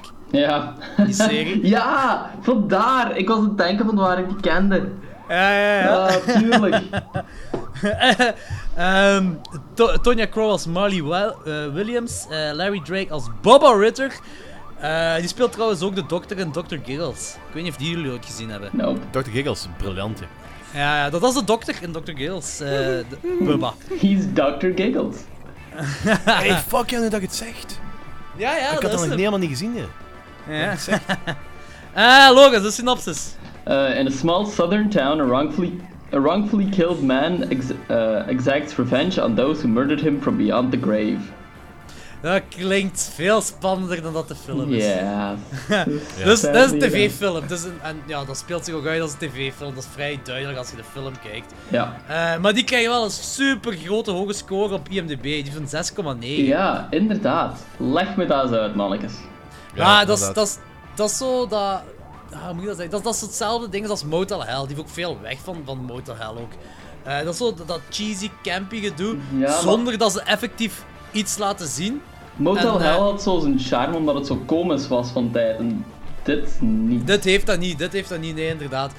Ehm, ik, zei, ik, ik wist zelfs niet dat ik deze al gezien had. Ik was, ik was hem aan het kijken en ik, zo, ik dacht ook trouwens dat een heel andere film zou zijn. Dat een slasher zou zijn, zo straight-up slasher. Maar Ja. zo speelt die, die artwork is trouwens fantastisch hier. Ja, En die, die speelt zich ook zo af, zo. ik dacht dat dat zoiets zou zijn. Pitchfork, eh Sackhead Killer, dat zoiets zou zijn. Ehm, maar ja, ik was hem aan het kijken en toen viel me de Frank. Ik zei, ah fuck, ik heb deze film al eens gezien toen ik heel, heel, heel zat was in mijn studentenjaren. Ehm, en eh, ik ga nu gewoon al zeggen, dit is een film die je alleen maar kunt appreciëren als je heel, heel zat in je studentenjaren zit. die, die, dat weet je wat deze film heel goed voor vind? Voor als je je, je kinderen into horror wilt laten komen. Zo. Je kunt het niet Friday 13 laten zien, want de- deze Nee. film heeft heel veel weg van Friday 13. Hè. Heel die, die Red Herring in het verhaal, dat is ook zo. Ai, dat is, ja, Ja. overgenomen van, van Friday. overgenomen. Het is, het is verder gegaan op Friday 13, zal ik het zo zeggen, die Red Herring. Ja. En eh, je hebt dan Usakat Killer, gelijk Friday 2, Jason is en zo van die dingen. Maar deze laat nooit het gruwelijke, het brutale zien. En dan vind ik dat is zo'n film die je perfect aan je kinderen laat zien, vooraleer je hun de echte slashers kunt laten zien. Het is een heel Zo- mellow film, ja. Ja, inderdaad. Er Zijn, ja, oké, vanaf het begin. Je hebt een retard, die noemt Bubba. En eh, die wordt vermoord. Basically omdat er zo wat townspeople niet tegen kunnen dat iemand van zo'n laag IQ bevriend is met, met, met zo'n meisje. Daar komt zo op neer eigenlijk. Daar heb ik er zo wat uitgehaald. Pretty Beetje gelijk het verhaal van Making a Murderer. Dat is ook zo.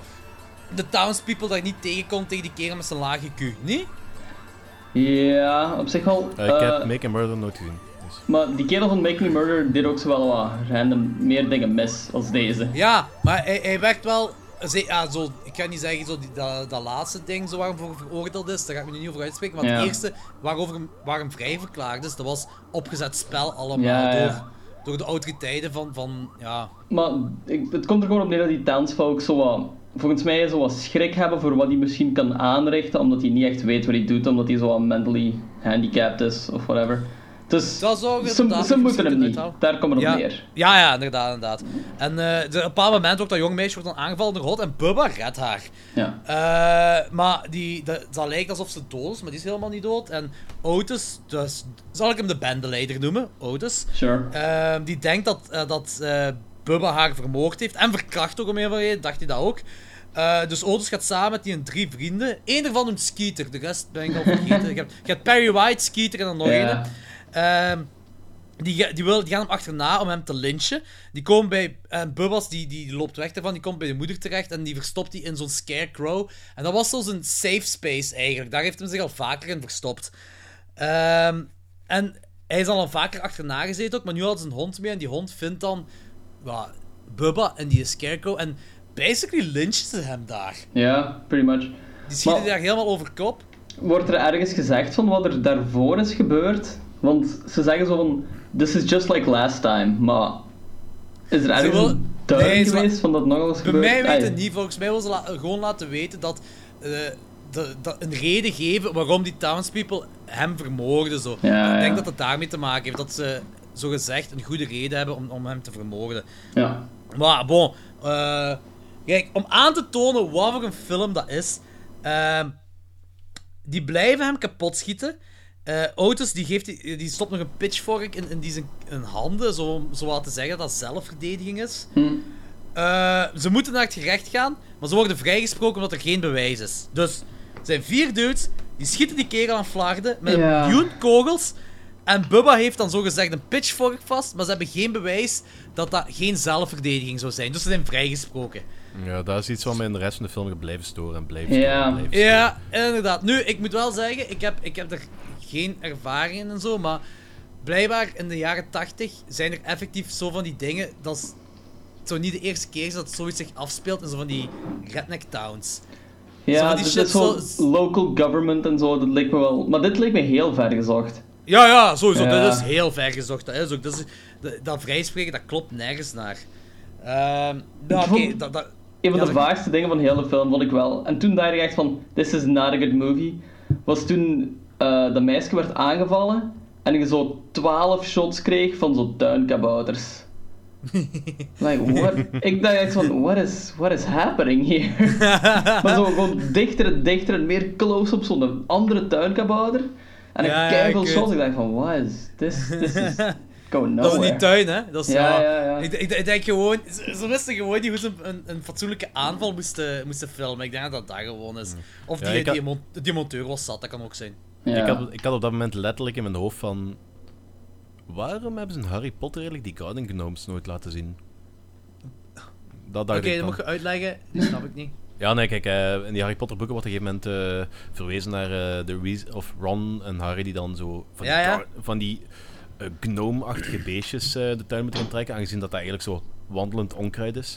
Ah, En oké. dat is- Oh, en oké, dat- oké. dat- Ik- Dat is nooit een- zo venijnige beestjes, dat is nooit in een film getoond. En dat was wel heel grappig geweest, denk ik. Ik dacht dat je bedoelde dat er een Harry Potter personage in deze film zat. Nee, nee, nee, nee. nee. Die, zaten, die zaten toen voornamelijk allemaal in de balzak van papa, denk ik. Ah, oké. Eh, in ieder geval, de, dat grietje dat, dat is wat, wat Bubba dan gered heeft, dat leeft toch. En, eh, en die, die loopt dan naar de moeder van Bubba. En dat, dat moet ik toegeven dat ik wel een, een, een heel zielige scène vond. Een heel intens. Dat zo die moeder zegt van... Ja, hij, zij vraagt achter Bubba en eh, die moeder zegt dat... ehm, dat die, ja, die wil niet zeggen dat hij gestorven is, maar zegt het is naar een andere plek of zo, zegt hij. En dan loopt zij, dat Grietje loopt dan naar dat veld waar Bubba is vermoord. En dan zegt ze tegen de moeder, Bubba is niet weg, Eh, die is gewoon verstopt. Ja. Eh, dat vond ik echt wel een zielige scène, zo. Omdat, weet je, die, die Bubba, ik vond, dat vond ik trouwens ook, Bubba, of, hoe de fuck die acteur ook heet, die heeft dat heel goed gespeeld. Die speelt echt zo dat eh, mentaliteit, de, de gedachte van een klein kind in een volwassen lichaam. En die deed me heel veel denken aan de buren van mijn oma. Die dochter was ook zo, die was 28, 29 jaar, maar die had verstand van een vijfjarige. En dat, die- ik had echt flashbacks naar haar toe de hele tijd toen ik Bubba zag op tv. Dus dat vond ik echt wel heel goed gespeeld van hem. Het is, het is altijd zo wat, ja... Hoe, moet- hoe moet ik dat ja, in woorden brengen? Het is altijd zo gevaarlijk om zo'n mentally handicapped persoon te schrijven of te spelen. Omdat het is, je mocht er zo niet over gaan, ook zo, want dan is dat gewoon nooit geloofwaardig en is dat gewoon zo echt belachelijk. Maar Ja, in, in deze film werkt het op zich wel. Je kunt, Ja, er ik- heel, Maar- je kunt er heel snel een karikatuur van maken. Ja, voilà, Ja, zo in. Tropic Thunder zeggen ze toch ook zo van never go full retard. Dat is altijd een ding. Ja, inderdaad. Tropic Thunder, van alle films is dat... Het is echt, het is echt mooi dat van alle films dat dat nu effectief een referentiekader Hey, ja, Tropic maar het Thunder klopt is wel. Eh, You never go eh, full retard. Dit is ook echt als een retard-aflevering. Eh, Is, ik dat, is, is dat wel een beetje eh, politiek incorrecte verwoording misschien? Yeah, we're not starting this again. Ja, fuck dat, echt. Eh, Oké, de setup van de film is gedaan. Eh, hiermee weten we ook zo wat voor zo'n soort film dat is. Oké, de film is heel cheesy, heel 80s, heel campy. Eh, het speelt zich af als een slasher. Zo, eh, ah, zo- dat is zo structureel, heeft dat iets weg van slasher, maar deze kun je geen slasher noemen. Vind Nee, ik toch? Ik vind niet... Ik, ik dacht van, ah, dit is zo'n eh Day of the Woman toestanden dat ik verwachtte eigenlijk van. ah, vier mannen vermoorden iemand die gaat wraak nemen. Dat was Het volledig is een revenge story. Dat Ja. is een revenge story. Day of the. Retard. Day of the Retard. Eh dag ernaavond, een van die I dudes... ja, drool on your grave. Holy shit. oh, ik ga zoveel luisteraars verliezen met deze aflevering. Ah, Oké, maar diegenen eh, diegenen die overblijven, dat zijn wel toffe. Ik hoop het. Eh Oké, een van die dudes dat hem geaccepteerd heeft, Perry uit, uit Lois Clark, eh, die, die, die vindt, oh, hoe zat dat nu weer? Die vond die, die vogelverschrikker in zijn dingen, in zijn tuin. Hm. Eh, en eh, Ja, die was Otis- opgesteld, ja. ja, en. Otis, Otis die denkt dat, dat die advocaat, of die district attorney dat zo heeft gedaan, dat die dat Ja. daar heeft gezet. Ehm, maar uiteindelijk eh, is het dan, ja, nu waar of niet, whatever. Die, gaat, eh, die, die hoort zo wat gerommel, de schuur, die gaat kijken wat er allemaal aan de hand is. En dan komt er op neer dat op een bepaald moment aan een lamp hangt van boven aan de schuur. En eh, dan valt hem eh, in een woodchipper en ja, eh, wordt hem geshipped. Daar komt het neer. Alleen, het heel jammer is, je ziet dat allemaal niet gebeuren. Nee. Dat vind ik heel jammer, dat dat een heel grave scène kunnen zijn. Ja, ik vond, ik vond dat heel saai en ik keek zo een minuut weg en ik keek terug en dan wordt zo die uitleg gedaan van wat er gebeurd is. En ik dacht zo, huh, heb ik nu iets gemist? Maar nope. Ja, je ziet hem hangen aan die lamp en die val, Ja. en je ziet dat, dan krijg je shots, zo topshots van die woodchipper, zo van bovenaf gefilmd allemaal, hoe dat eruit ziet. En dan, ja, quote-unquote, tense, ten, eh, zo van die spannende shots gemaakt, maar hij valt en dan, ja, gaan we ervan uit dat hij in die woodchipper valt en dat hem gewoodchipped is. Ja. Maar je ziet het allemaal niet gebeuren. Dus eigenlijk zo, als slasher-fan dan, ja, deze dingen vind ik niet tof om te zien. En Ja, dat, heel die film leidt verbazingwekkend daaronder. Verbazingwekkend weinig bloedig als ik naderhand eh, bij dat machine komen. Hmm. ja, ja, inderdaad. Om niet te zeggen niks. Maar, en, eh, dus in ieder geval, die moord is gebeurd. Otis die, eh, die, eh, die beschuldigt de moeder ervan, maar de moeder beweert dat ze er niks mee te maken heeft. En die zegt dan ook dat de moordenaars van haar zoon zullen gestraft worden. En ergens daartussenin heeft Otis dan ook nog verteld dat dan pedofiel is, die Bubba. Ja, de red herring in deze film is dus duidelijk de moeder. Dat is, dat is echt zo die, die, die setting op wat Friday 13 gezet heeft, dat gaat hierop verder. Ja, daar had Eh. ik wel heel veel het gevoel dat het een beetje een Friday 13 eh, Ja. onofficiële Ja. sequel was. Een beetje. Of toch heel veel geïnspireerd. Ja, tuurlijk. Eh, je, je hebt een sackhead killer. Die sackhead killer is een retard, net gelijk Jason nog is. En eh, dat, dat is heel dat moeder-zoon verhaal, wat ook bij Friday 13 is. Dus ja. Ehm, gaan we over naar spoilers. Ja. Ja.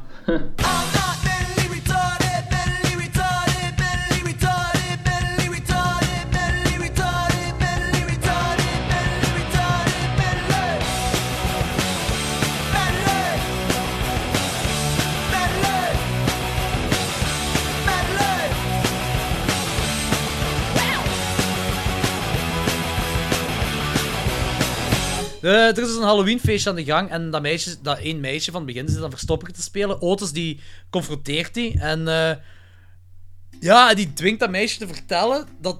Ja, daar kwam het erop neer dat dat meisje eh, dwingt te vertellen dat de moeder van Bubba dat heeft gedaan allemaal. Maar zij zegt dan dat ze weet dat hij en zijn vriend het gedaan hebben. of dat, wat hij gedaan hebben met Bubba.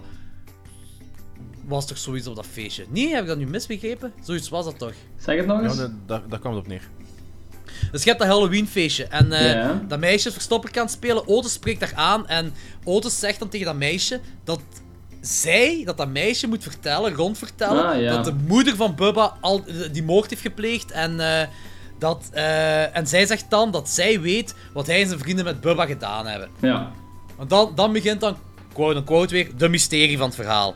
Eh, en diezelfde vogelverschrikker, wat we eerst in, in Perry White zijn tuin vonden, die eh, eh, zit nu in, in een veld en, en Otis eh, breekt in bij de moeder, omdat hij denkt dat zij alles doet. En door die aanval krijgt de moeder dan een hartaanval.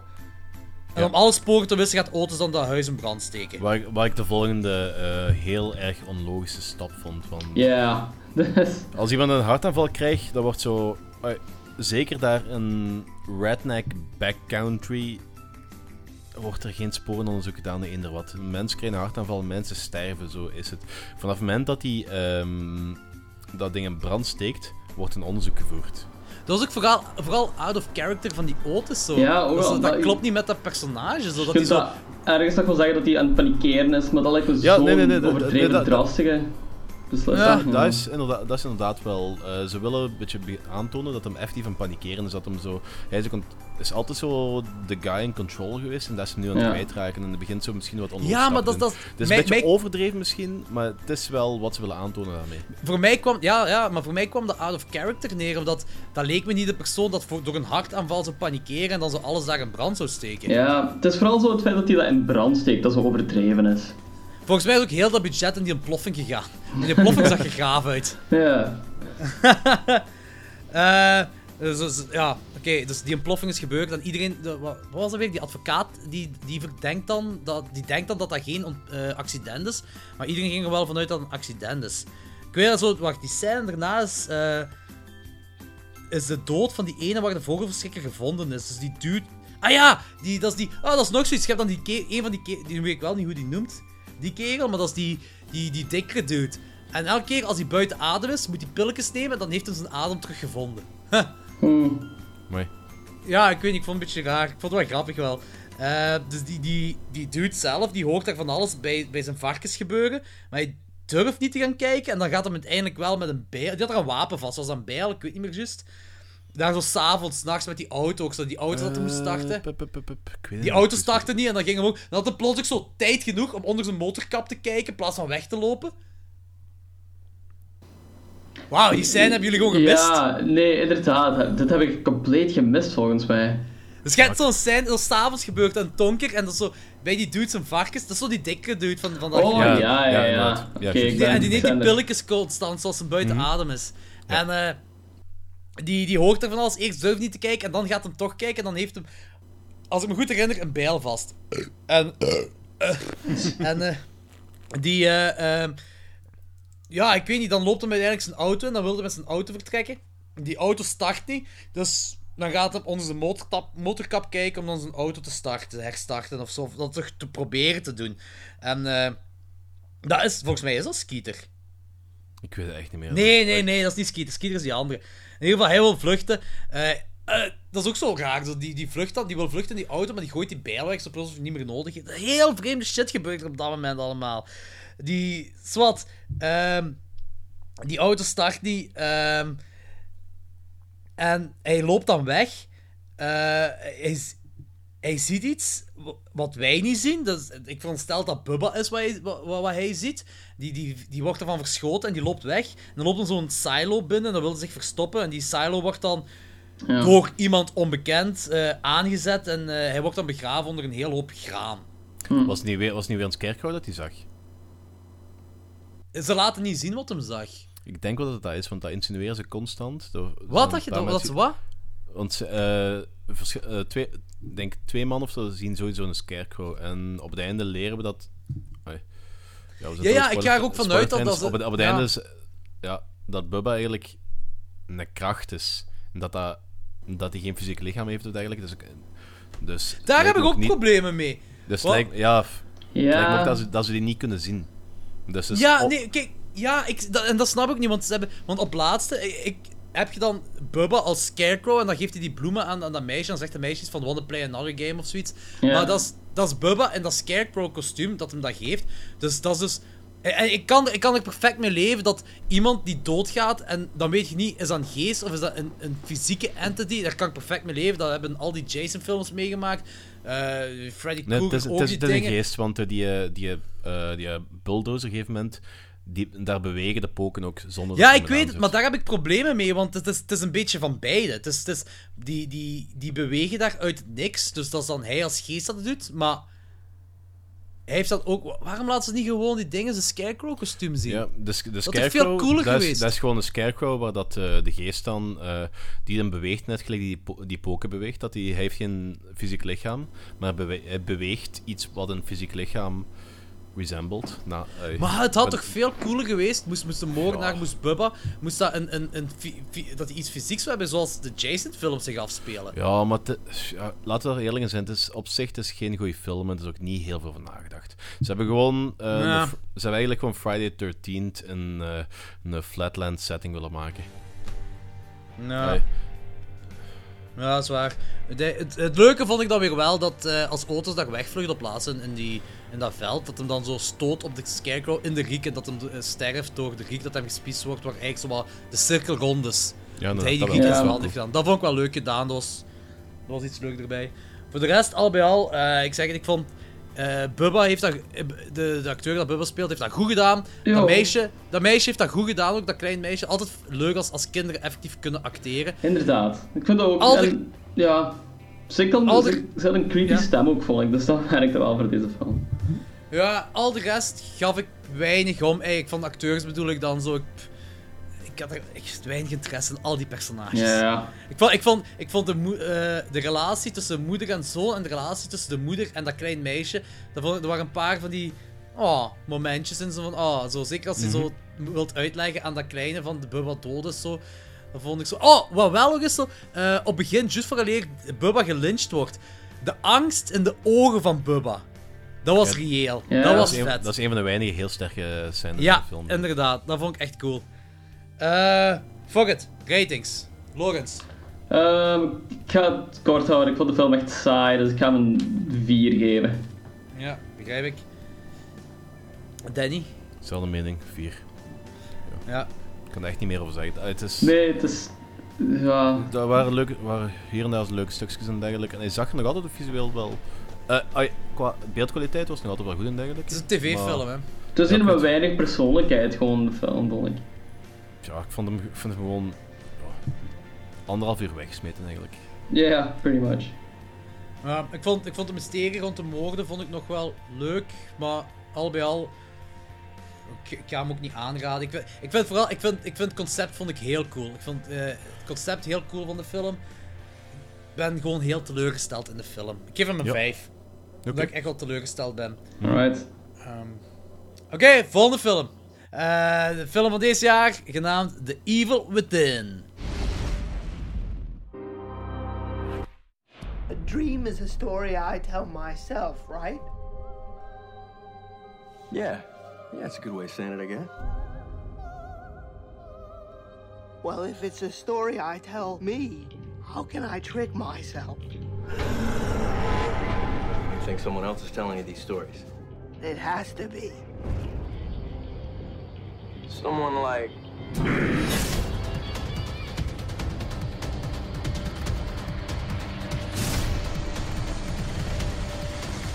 I control your dreams. I can handle the nightmares. You haven't yet had a nightmare. What are you hiding?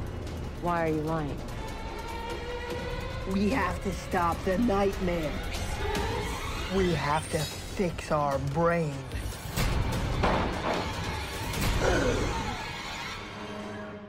Oh, wow.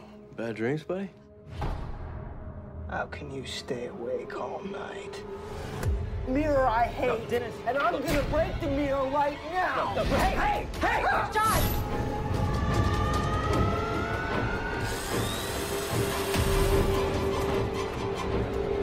There's a crime in progress. When you're sleeping at night, I'm the one who whispers in your ear.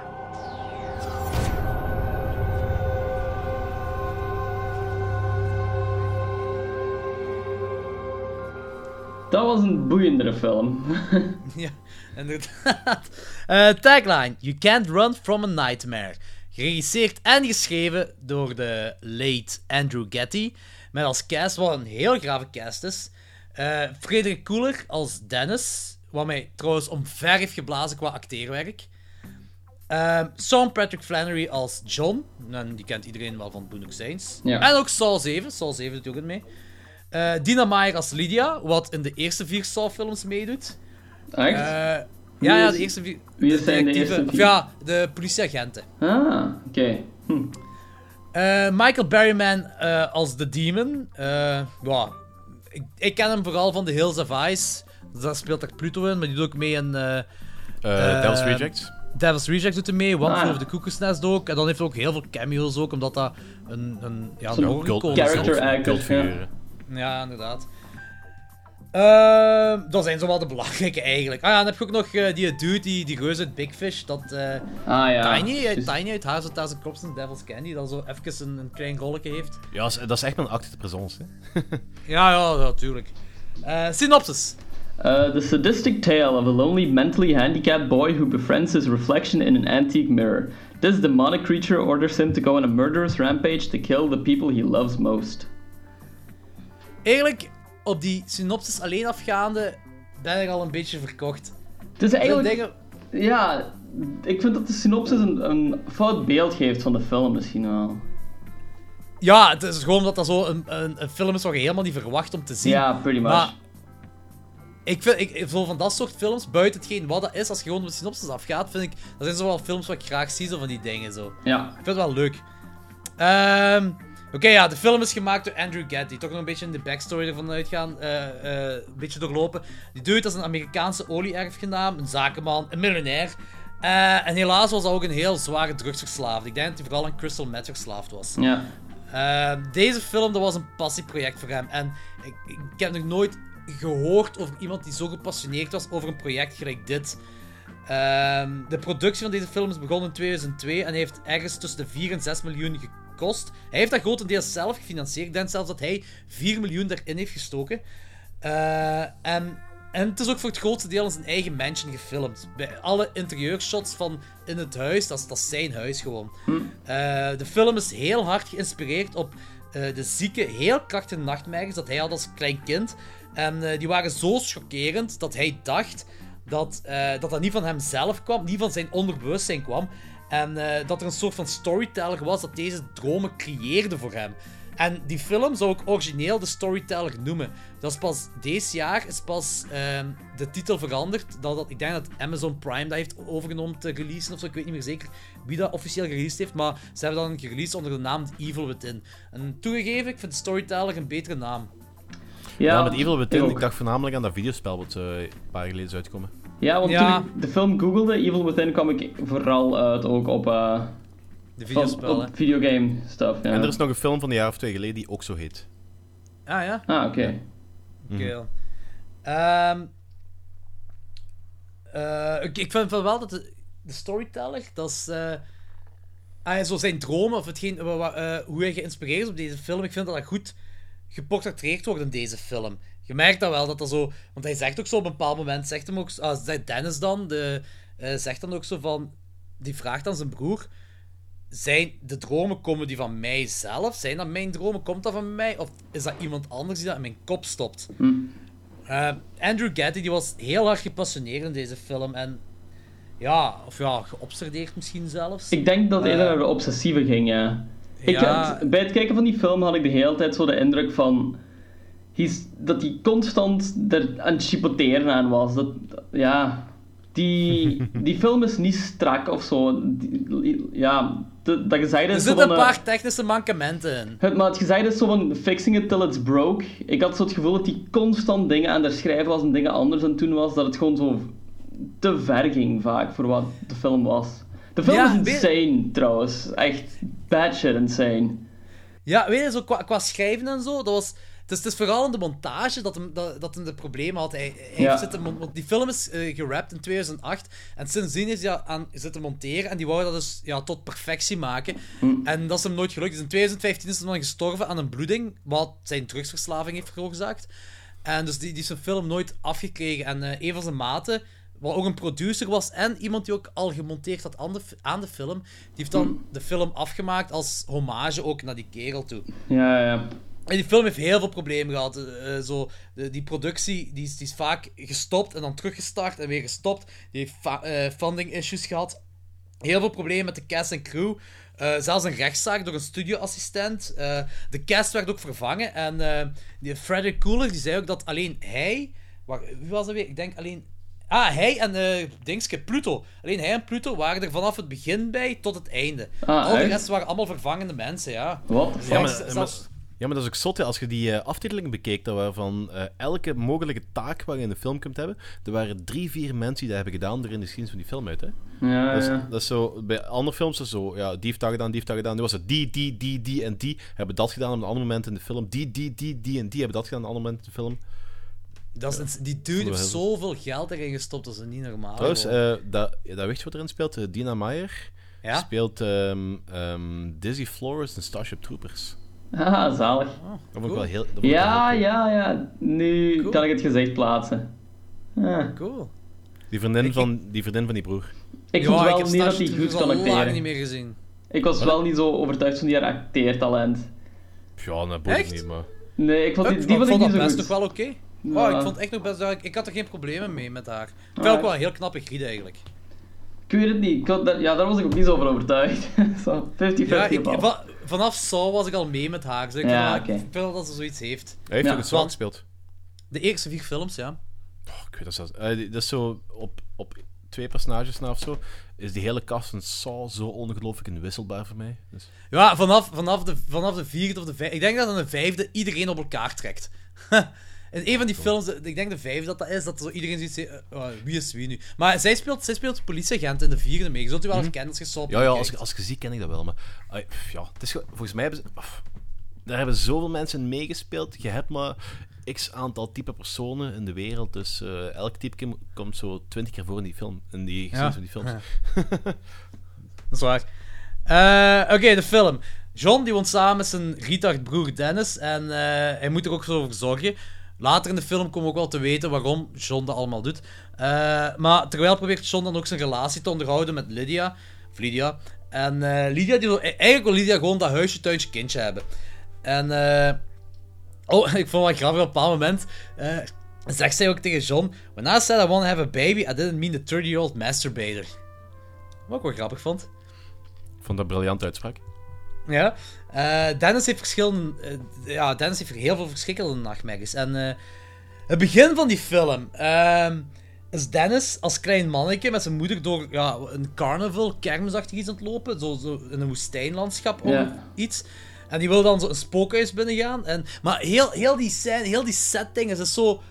dat is dreamlike opgebouwd. Ik vind het fantastisch om zoiets te zien. Ja, Die moeder doet ook die bril af, dan zie je die, die mond zit ook in die ogen. en Zo. Ah, Al, alles. Dat is eigenlijk de Snapchat-filter. dat is echt een Snapchat-filter geweest. Is dat, ja? Ja, ja, ja. Maar dan van 2002. Ja, dus... Hey, het Deze film was ver voor op zijn tijd. ik, vind, ik vind die shit ik vind dat, ik vind dat fantastisch om naar te kijken. Zo van die, dat, is hetgeen wat ik de vorige keer bedoelde met die, die Terry Gilliam-like Ja. eh, imagery. Zo. Ja, ik snap, nu snap ik het wel wat ik bedoel. Ja, ja, ja, inderdaad. Maar, Dat is ehm, geen- Ja, ik vond die, ik vond die wel heel cool op het begin. En dat... Dus daardoor had ik zo al wat meer, wat meer verwachtingen bij de rest van de film. En... Ik weet niet hoe dat bij jullie zat, maar die film had me vanaf toen af aan onmiddellijk meegesleept. Mij ook, eerlijk Ja, gezegd. Ik was vanaf toen was ik mee en het is naderhand wat in beginnen zakken. Dus, ehm, Echt? Want ik vond dat hij helemaal zotter en weirder werd. Ik vind, Ja. die, ik vind die hele film vind ik bad shit insane gewoon. Dat is gewoon, als, als je ook probeert te geda- Oh, Ik vind het heel jammer dat de regisseur gestorven is, want zit, die dude heeft daar zoveel shit ingestopt wat, wat, wat subtext is. En het begin alleen al zo. Ik, er zitten zoveel van die dingen. Gelijk, je hebt daar zo op een bepaald moment zo een, een, een, weet ik veel, een, een slot dat opengemaakt wordt aan een lichtschakelaar of zoiets, had ik gezien. Ja, ja, ja. Dat Heel veel van die- dat vond ik heel raar.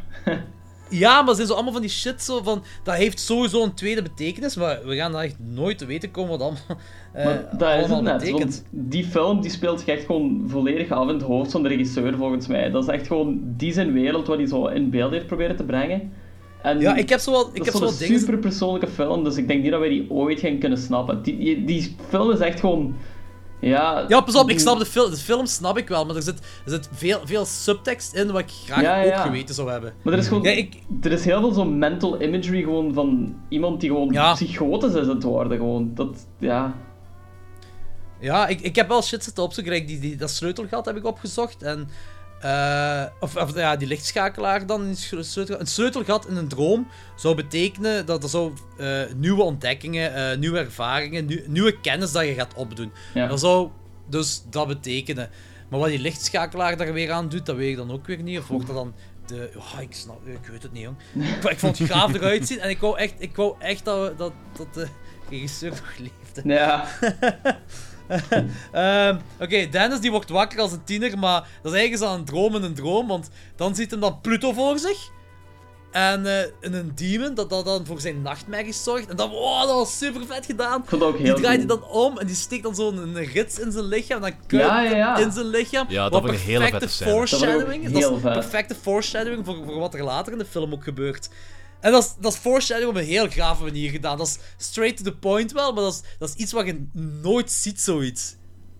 Ja, dat, dat, die scène had ik echt zoiets van... Wauw, dit is Ja, echt ja, ja. heel cool gedaan. Ik denk, dat was ook zo vlak na die kermisscène die al zo heel raar was. Dus ik dacht echt van, this, this movie is weird.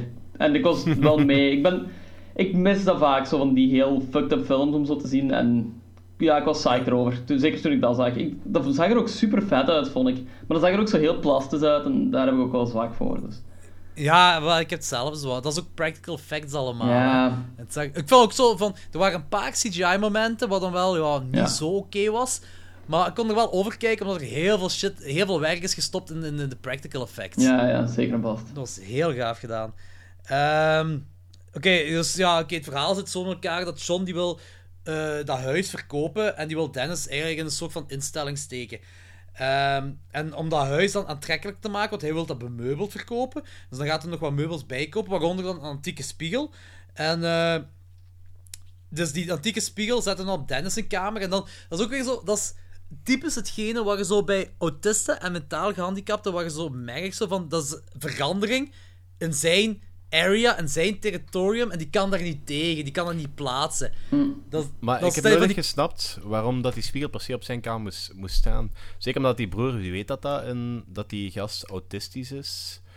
En die weet dat niet met verandering komt. En toch moet die spiegel daar per se Ja, in staan, want maar die, die- past bij dat, bij eh, die raamkozijnen en weet ik wat allemaal. Ik, ik- Ja, maar die know. broer heeft zo... Die, die, doorheen de film doet hij een paar van die opmerkingen naar, naar het broertje zelf toe. En die, die laat zo doorheen de film weten dat hij probeert de, zijn broer... Ook, ook al gaat zoiets niet, maar eh, hij probeert zijn broer zo op... Moet je zeggen, andere gedachten te brengen. Nee, dat is, dat is moeilijk. Nee, ik weet niet hoe ik dat moet verwoorden. Dat is zo...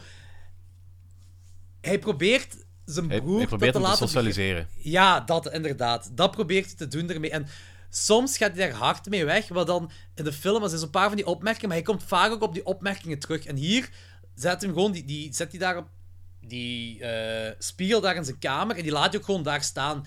Dat broer kan er op zich ook niks mee doen, buiten die misschien kapot maken of zo.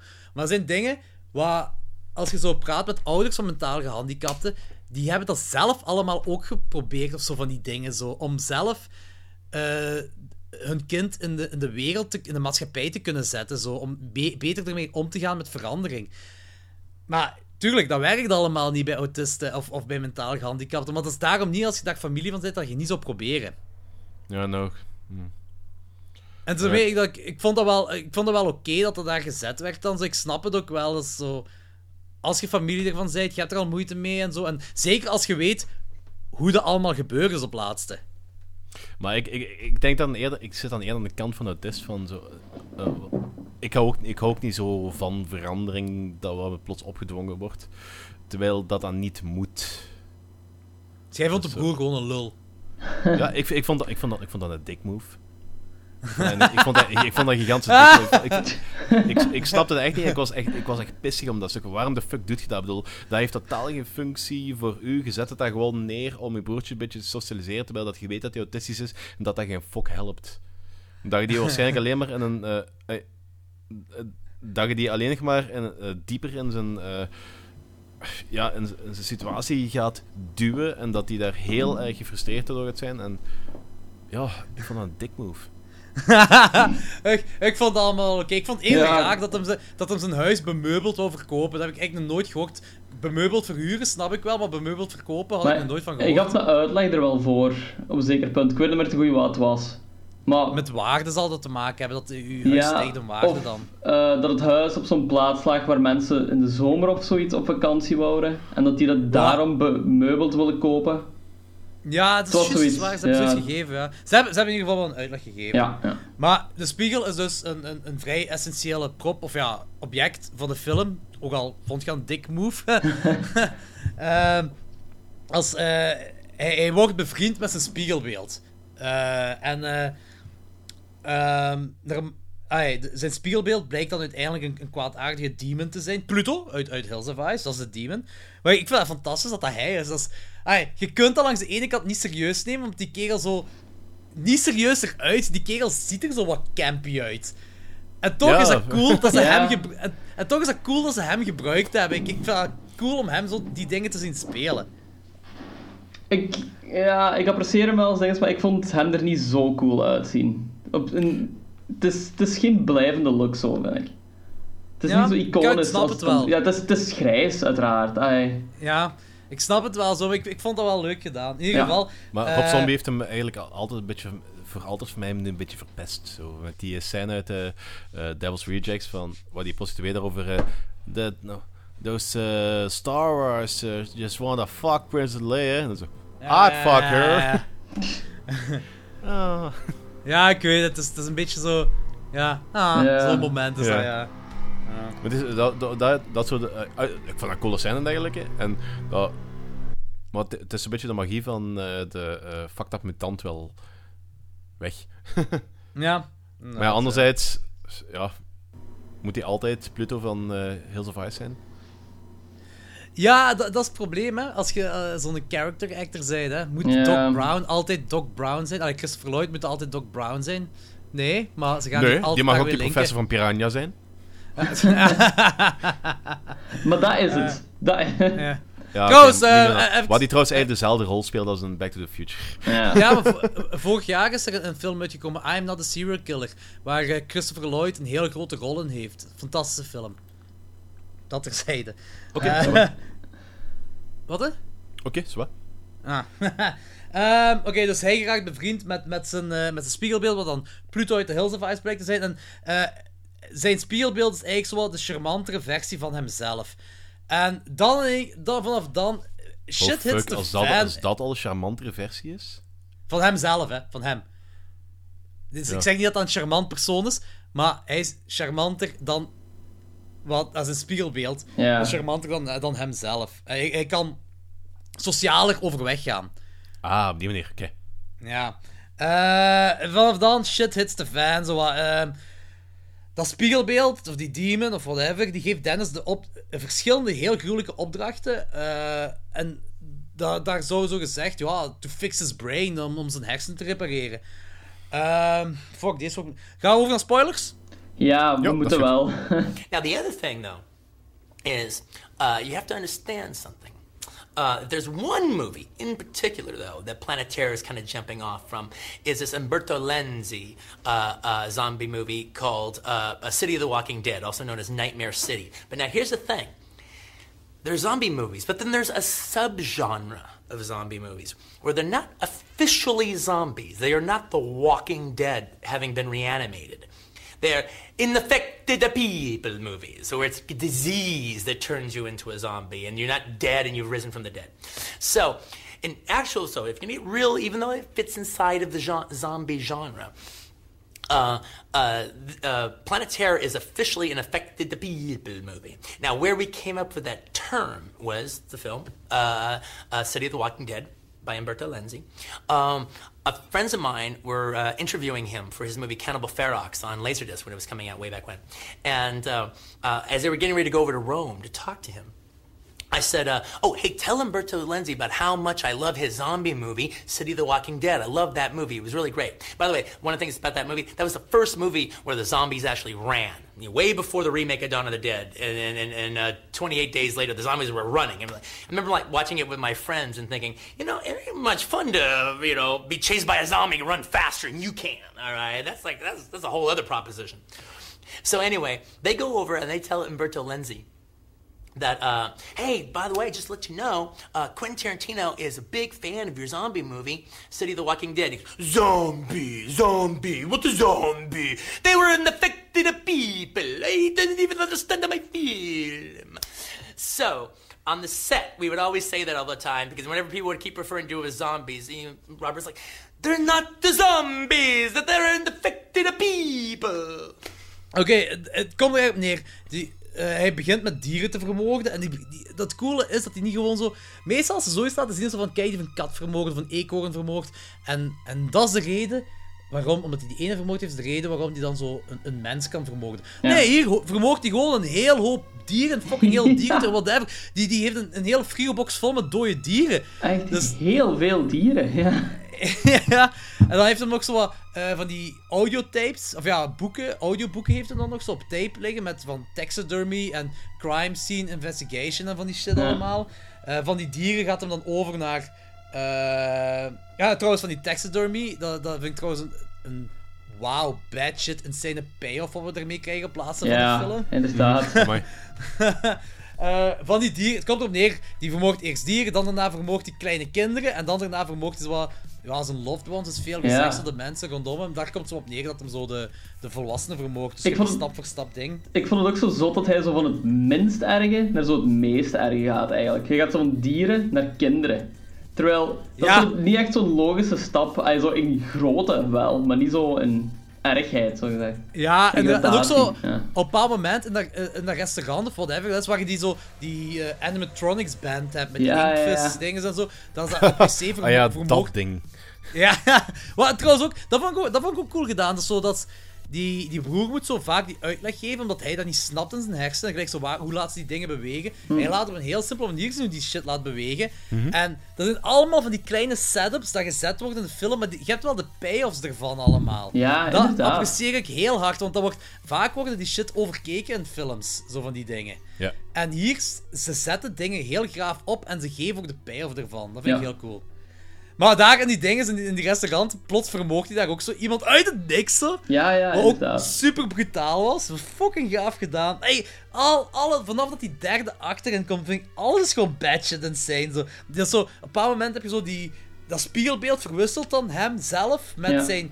eh, eh, van wereld dan verwisselen ze zichzelf. En komt erop neer als de, de demon, wat dan in hem zit, of wel in zijn spiegelbeeld zit, want die ziet eruit gelijk hij zelf is. Oh, pff, ingewikkeld.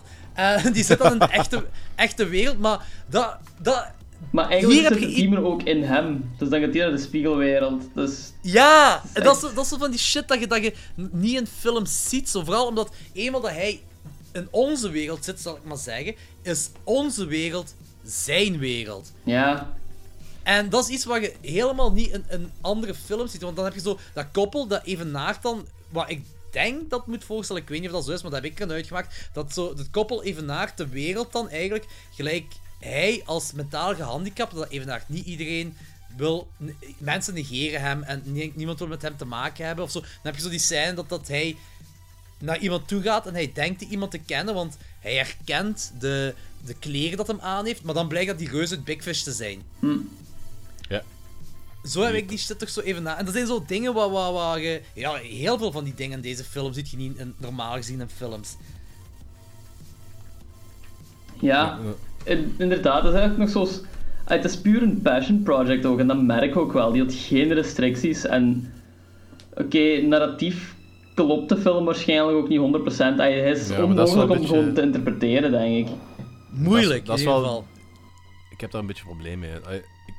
Er zaten heel coole dingen in, maar het is... Het is, ja... Ik vind, het- ik vind het een hele moeilijke film te bespreken. Ik ook, ik ook. Ik weet, ik weet zelf... Want, Ik vind hem vooral een heel interessante film om te bespreken. Omdat ja, is- ik denk, dat, ik denk dat ik hem interessanter vind en ook de backstory interessanter vind dan ik de film zelf vind. Ja, want als, als ik de backstory niet had gehad, dan vond ik de film niet zo fijn om naar te kijken als ik hem nu vond, denk ik. Ja, had ik Ja, daar moet je wel gelijk in geven. Dan had ik Ik denk waarschijnlijk iets wel- gehad van, wat is dit voor crap? Ja, want... Ah nee, dat niet. Nee, ik vond geen crap. Ik vond echt... Ik vond, ik vond het zelfs heel goed gefilmd. Er waren, er waren Ja, dingen bij... ik vond ook. Oh, ik, er waren dingen bij waarvan ik dacht van... Als je de backstory weet en ik zie die dingen, gelijk zo verschillende camera-shots, dat ik dacht van... Allee, dat is fantastisch gedaan gewoon. Zo, die dude weet bij momenten effectief wat hem heeft gedaan, zo qua, op technisch vlak dan. Zo. Ja, en ik denk van, holy Mhm. shit. Ja. Dus ik vond, ik vond dat zeker geen piece of crap helemaal. Integendeel zelfs. Maar het is wel de backstory. Eh, doet wel positief aan de film. Dat wel, vind ik ook. Ja. Het is, maar het is een film van echt één persoon, basically. Ja. Het is geen team of zo eraan gewerkt heeft. Het is één persoon zijn visie. Hij, ja... Dus het is echt moeilijk, ook, ook naar ratings toe of zo, vind ik dat echt super moeilijk om een rating te geven. Ja, dat begrijp ik wel, ja. Daar had ik ook wel moeite mee. Mm. Dat is ook zo, ja, dat is zo één scène waar ik zo. Ah ja, je hebt die scène zodat dat. Wat, langs de ene kant grave dingen worden gezegd, langs de andere gelijk zo, wanneer ze daar zo zitten in. Ik weet niet, zo buiten ergens zitten ze aan een restaurantje of zo. Ja. En eh, dan, vertelt, dan vertelt John eigenlijk heel zijn verhaal van eh, hoe dat komt dat Dennis eh, mentaal gehandicapt is geworden en dat hij zich schuldig voelt daarover. Zo, wat ik, ik vind dat wel, ja, dat is wel een goede backstory om te geven. En, Ja. en heel dat broer, broerverhaal zo. En die relatie, dat is heel gaaf gedaan. Maar dan heb je zo die andere wat er plots bij zit. Wat ik in de rest van de film niet gezien heb. Die ook zo audioboeken heeft of Ja, audiotapes. ja, ja. Zijn zoon had dat ook zo. Ja. En dan bleek dat verwisseld te zijn, maar dan toch niet, maar dan toch weer wel. En dan bleek... Uiteindelijk kwam er op... Nee, ik weet... Het juiste verhaal was me zo'n beetje verloren gegaan daarin. Maar het komt er wel op neer dat daar duidelijk wordt bij John dat die boeken... eh, of, eh, sorry, de, de audiotapes, de audioboeken, de tapes... Van effectief van hem waren. Ja, en dan heeft hem dat gelinkt met de stank uit zijn dinges. En eh, ja, je hebt die Lydia die dan ondertussen al. Want die zei van: Ja, kijk, kijk, ik kom bij u inwonen. Ik snap dat je niet van die broer weg kunt gaan. Je voelt je schuldig. Ik kom gewoon bij u inwonen. Hij wil dan goede nieuws gaan Zij wil dan nu goede nieuws gaan vertellen aan die Frederick. Wacht, die wordt gewoon onmiddellijk vermoord. Ja. Uit het niks. Fantastisch. Dat vind ik fantastisch. Dat, wordt, dat is een van de hoofdpersonages. Dat, dat je denkt van: er gaat nog een soort van heroic iets gebeuren. Nee, nee, gewoon vlag af. pff, weg. Ja, dat... Fuck you, bitch. Ja, inderdaad. Eh, en dan, heeft hij, ja, dan komt die, die Fred... Nee, als- die John komt dan thuis. En dan vindt, ze, vindt hem zo... Ja, moet hem zo iets volgen, touw volgen of zoiets. Komt hij in die kelder terecht. En dan heb je die hele payoff van alle waar heel de film is naar opgezet. Die echt... Insane Menselijke spiders en wat, holy shit, ik weet niet wat ik allemaal gezien heb, maar dat was zo fucking gaaf. Ik weet echt niet naar wat ik aan kijken was, maar dat was Ja, mega vet. Ik heb al vaak Dat was gezegd dat de film fucking insane is. En met dat einde dat je echt van... What the hell, jong. Dit heb ik heel zelden gezien in films. In series. Het ja, het is echt zo vergelijkbaar met zo'n fucked upness van de laatste 20 minuten van Twin Peaks eigenlijk. Gewoon, no idea what the hell is going on. But it looks Nou, great. Goeie vergelijking eigenlijk, ja. Maar- Ja, ja. Ja, ik, ik vond ook zo... eh, de film had ook zo'n heel grote Jacob's Ladder vibe, vond ik. Je hebt een untrusty hier narrator. altijd kijken trouwens. Ja. Oh, dat is, Dan, dat kan ik, dan ga ik niks spoilen. Dat kan Ja, ik er nee. zeggen, ja. Kijk, maar ik snap het ook, maar ook zo qua, qua, qua feel, qua look, zo, Ja, zo, ja, ja. qua gevoel van de film. Ook zo, gelijk jij zegt, Jacob's Ladder inderdaad. Dat is, je zit ook zo met die hele droom, imaginary, en dan zo, wat is nu de realiteit en wat is niet de realiteit? En, Ja. en er zijn nog andere films die zich zo inspelen, maar deze was zo... Ik, ik vond dat heel cool. Ze hebben dat, die derde act hebben ze gedaan, waar je nergens in films ziet. En dat is zo, zo wanneer die evil, de evil within dan eigenlijk, wanneer die in onze wereld zit, zitten de hoofdpersonages in een alternatieve wereld, maar die alternatieve wereld is toch onze wereld. Dat is eigenlijk gewoon Satan of de duivel of de demon of, of whatever. Ja. Dat, eh, dat kan doen wat hem wil. Daar komt het op neer gewoon. Zo van, dat is hier en onze wereld bestaat niet meer, dat is zijn wereld. En dat is fucking. Het is gewoon graaf gewoon. Ik vond het ook heel graaf. Dat eind, ja, mijn mond vol tanden zat ik er echt gewoon. Ik kon, niet, ik kon gewoon niet vatten wat er precies aan het gebeuren was. En ik denk dat dat ergens ook wel de bedoeling was. Ik bedoel, het is nog altijd zo'n psychotische droom wat je op beeld ziet, basically. Dus, Ja, tuurlijk, tuurlijk. En dan heb je ook zo... Dat, daarna wordt hem dan zo aangevallen door de Spider-Baby-mens ding, hè? Ja, ja. Ah nee, maar daarvoor ook zo die, die puppetry gewoon. Ja, zo, ja, die, de van allemaal. Dexter. Ja, dat, dat- hoe vet dat eruit zag. Zo hoe die Lydia eruit zag met die ogen en zo. En dan, oh ja, fuck. ik ben er nog niet goed. van. Ik vind, maar oké, ondertussen is het wel drie weken geleden. Maar ik heb hem in de vorige aflevering had ik hem even besproken. Ja, ik heb hem ja. niet meer gezien sinds Ja, juist, want je had hem, je had hem al gezien. En... Ja, maar ik, heb hem, ik, heb hem, ik wil hem echt nog wel een tweede keer zien. Dus ik moet hem een tweede keer zien. Er gaan sowieso ook... Maar ik weet niet of er meer dingen duidelijk gaan worden. Dan zal iets meer duidelijk worden. Maar... eh, ik, ik vond het gewoon zo cool. Zo, zo- Oké, dan heb je zo dat hij aangevallen wordt door die Spider-Baby-mens, whatever. Maar dan in de realiteit... Maar dat was de realiteit. Dus dan zit je in je spiegelversie. Wordt hij aangevallen door de politiemensen. Dus dat is dan die Spider-legs zijn eigenlijk de politiemensen die hem aan elkaar slaan. En dan... eh, vond ik nog wel, dat vond ik ook wel leuk gedaan. Dat er opgezet wordt dat hij in een ja, in een, een psychiatrie zit, want dan zeg je van nee, nee, ik zit hier en dan gaat je weer zo die duizenden spiegels verder. En daar zit dan het, het Mongooltje, de retard, dus zit dan daar. En dat is zo het einde van de film.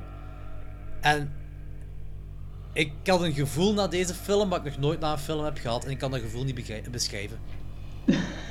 Was it love? In- Nee, het was, het was intense- geen love, maar het was, het was intens. Ja, die, Ja. Intense film- opwinding. Ik, heb, ik moet zeggen, ik heb in de laatste vijf jaar of zo geen film gezien die mij zo van de kaart heeft gebracht gelijk deze film. Serieus? Zoveel?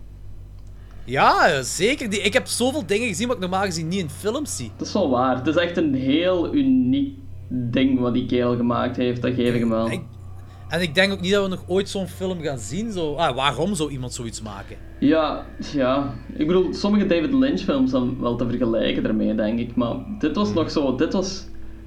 Ja, dit was verder. Ik weet het ook niet. Dit ging echt wel een paar stappen verder. Ja, zeker zo die laatste sequentie van dat was echt iets heel bizar. Dat is echt, ja, fever dream gewoon eigenlijk. Ik zeg Ik ben een gewoon- extreme versie van Jacob's Ladder of zo, ja.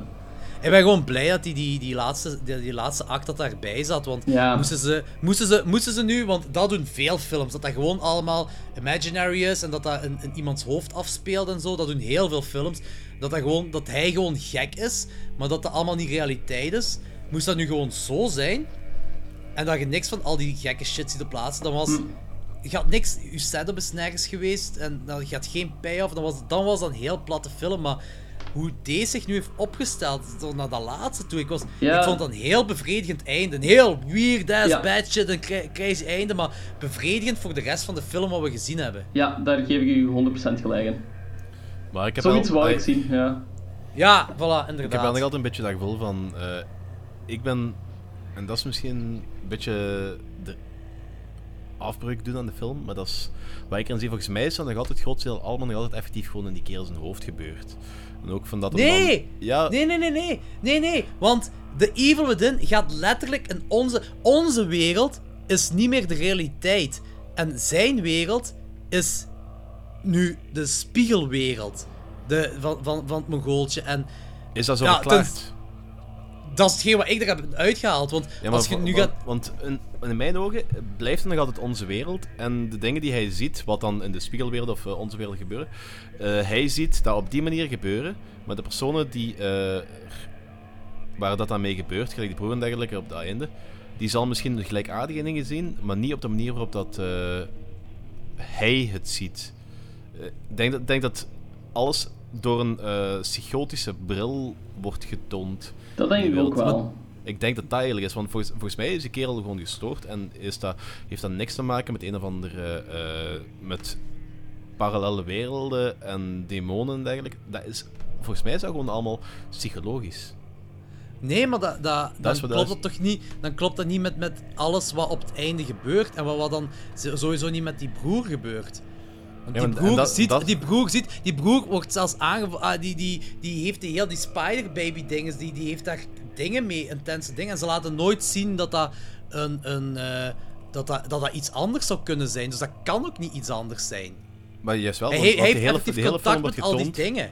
Die hele film wordt getoond. Ah, voor hetzelfde geld is dat ah, een stom houten poppetje op, eh, eh, stom houten poppetje op draadjes dat aanvalt. Maar Ja, die, maar dan eh, hadden ze, dan hadden maar ze die- dat moeten laten zien, hè? Ja. Dan hadden ze zoiets moeten Niet laten zien se, en dan want, laten ze niet want de hele film wordt getoond door, door,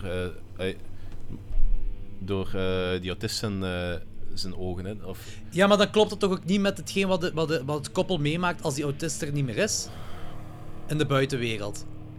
Want dat is, dat, is, dat is hetgeen wat zij twee meemaken. Daar heeft, daar heeft de mentale handicap niks mee te maken. Want die zit, die zit dan in het huis. Of ja, eigenlijk zit hij al in de spiegelwereld op dat moment. Maar hij, zit, hij zit niet meer bij het koppel. Heel die koppel maakt, maakt de wereld mee. eh, op een heel andere manier. Op een heel shitty, fucked up manier maken ze de wereld mee. Heel anders dan tevoren. Dus als dat in die kerel zijn gedachten zo al afspeelt, dan zou deze scène al Ja. helemaal niet meer kloppen. Daar heb je ook wel een punt. ja, ik, Oh, ik snap wel even- ik snap wat het komt. Ah, ik, vind, ik vind het moeilijk. Eh, eh, volgens, ik weet Dus daarmee dat ik denk dat dat zelfs niet of straight daar- up een... Dat is dat straight up een demon story. Dat is hetgeen wat we zien, is ook hetgeen wat er gebeurt. Dus daar, daarmee dat ik, is- dat ik meer appreciatie ervoor heb dan dat dat bij hem in zijn kop zou afspelen. Omdat je die scènes hebt dat... dat dat niet zou kunnen werken anders. Want mee, als ze zoiets laten zien, gelijk, ik snap wat je bedoelt, zo van... eh, je, je, je laat zo gezegd u, ja, dat hele shit wat plaats gebeurt. Maar, en dan daarna ziet je toch de broer zijn ogen en dan zie je dat het allemaal anders is. Dat laten ze al niet zien. Dus ik denk, het is echt straight up een demon story. Een, een, een fucked up Satan, whatever, dat die kerel ook moet voorstellen. Dat is dat gewoon volgens mij. Dat maakt meer sens in ieder geval met de rest van de film. Hm, Ja, ik snap het. Maar... ai, ik snap wat je bedoelt, maar het klopt niet 100% in mijn ogen, denk ik. De film klopt op narratief standpunt ook gewoon niet 100% denk ik. Ik denk dat dat heel... Ik denk dat dat Ja. moet dus... Ja, voor mij klopt hem echt wel, ze. Met hetgeen, met vanaf dat de, de, die kerel in onze wereld zit, dan kan alles gebeuren. En als ik met die theorie verder ga, dan werkt alles. Die hele film klopt dan wel voor mij. Mhm. Dat, dat is... ah, zeker zo met die, met die shit zo, wat met dat koppel gebeurt en zo. Dat is... Ik- pas op, de film... Er zijn dingen, zo mankementen in en zo. En zo, ik denk, moest die kerel geen drugs gebruiken, dan, oh, dan zou het misschien slechter zijn zelfs. Ik zou, moest die, ja, ik zou, ja, nee, moest meer gefocust zijn, of hoe moet ik dat zeggen zo, dan z- zou, er meer dingen kunnen linken aan elkaar of zo. Of zou hem beter verwoord worden of zo. Maar ik snap wat hem wilt zeggen ermee wel. Of ja, geen de subtekst niet, maar ik snap de film wel. Ja, ik, misschien, ik, misschien niet. Ik denk dat dat misschien het punt is. Ja, ik, ik denk dat jij gewoon echt ervan uitging dat het aan zijn kop afspeelt. Ja, ik denk de film eh, in mijn ogen gewoon iets te random is. Ja, die is Dus heel dat- random. Dat, is dat, heel dat, er denk, en dat daardoor... Dat, ik denk dat het zelf Maar ook het een linkt beetje- wel allemaal elkaar, het linkt wel allemaal elkaar, hè, die random stuff. Mhm. Er, gebeuren, er gebeuren veel dingen in, maar het wordt allemaal aan elkaar gelinkt vanaf het begin dat die demon in die kerel zijn huid stapt, tot eh, die, die animatronic eh, band wat daar aan het spelen is, de taxidermy, de, eh, de, de, alles wat hem vermoordt, zo, alles wordt aan elkaar gelinkt. Mhm, Een grote ja. stap, in grote lijnen toch. Dat, dat, dat, dus dat klopt allemaal wel, qua verhaalstructuur bedoel ik dan. maar als je in je kop hebt van dit speelt zich allemaal af in die kerel zijn, zijn hoofd, dan denk ik wel dat je teleurgesteld kunt zijn in die film. Dat snap ik wel. Maar dat is volgens mij helemaal niet wat die film wil zeggen. Ja, maar dat, dat is wat ik probeer, maar ik, ik vind het heel moeilijk om, om een eh, consistent verhaal rond de demon te bouwen. Het is... ik, moet hem, ik denk dat ik hem nog eens een keer ga moeten zien. En nog de tweede en de derde en de vierde en de vijfde keer.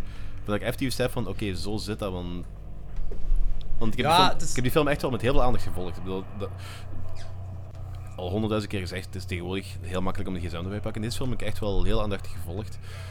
En, I don't know. Ja, ja je, kunt niet, je kunt niet van de eerste keer met alles mee zijn. Ik, wil ik, zeg, ik wil hem ook een tweede keer zien. Ik wil meer dingen begrijpen in deze film. En deze film heeft rewatches nodig.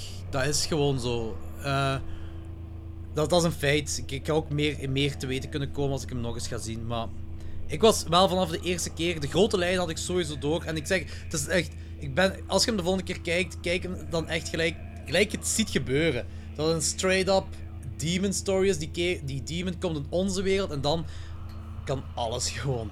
Bad shit crazy wordt alles. Ja, het is mijn, het is mijn, ehm, het is mijn dikke als. Want ik wil, hem, ik wil hem wel zien, maar gelijk als straks al heb gezegd, van, ik heb nog duizend films eh Ah, zo. in mijn Ja, ja, staan. Dus een, Ja, ja, ja, ja, na deze keer, het is geen prioriteit voor mij. Ja, ik ga, ik ga hem ook gewoon gelijk de volgende keer, eh, tegen het einde van het jaar, ga ik deze nog eens opnieuw. Alle films waar ik denk wel in mijn top 10 kunnen eindigen, ga ik opnieuw zien. Alright. Deze film gaat zeker erin eindigen, denk ik toch. Tenzij er nog andere grafische shit uitkomt. Alright. Oké. Rating? Oké, ja. Eh, ja, ik zal beginnen. Ehm, ja, zoals ik zei, van, ik vond het een hele moeilijke film om eigenlijk zo te raten. Eh, omdat het gewoon een, ja, een heel subjectieve film is eigenlijk. Het is gewoon één persoon zijn visie. Eh, narratief zitten er zo wat fouten in, dingen die eigenlijk gewoon niet kloppen. Aan de andere kant zijn er heel veel dingen die gewoon super vet zijn. En dat einde vond ik echt fantastisch. Ehm, ik ben ook ja, ik ben fan van zo'n passion projects eigenlijk. En die, ja, de maker ervan was echt gewoon enorm gepassioneerd door film, door horror. Want er zitten ook heel veel winks naar andere horrorfilms in, volgens mij.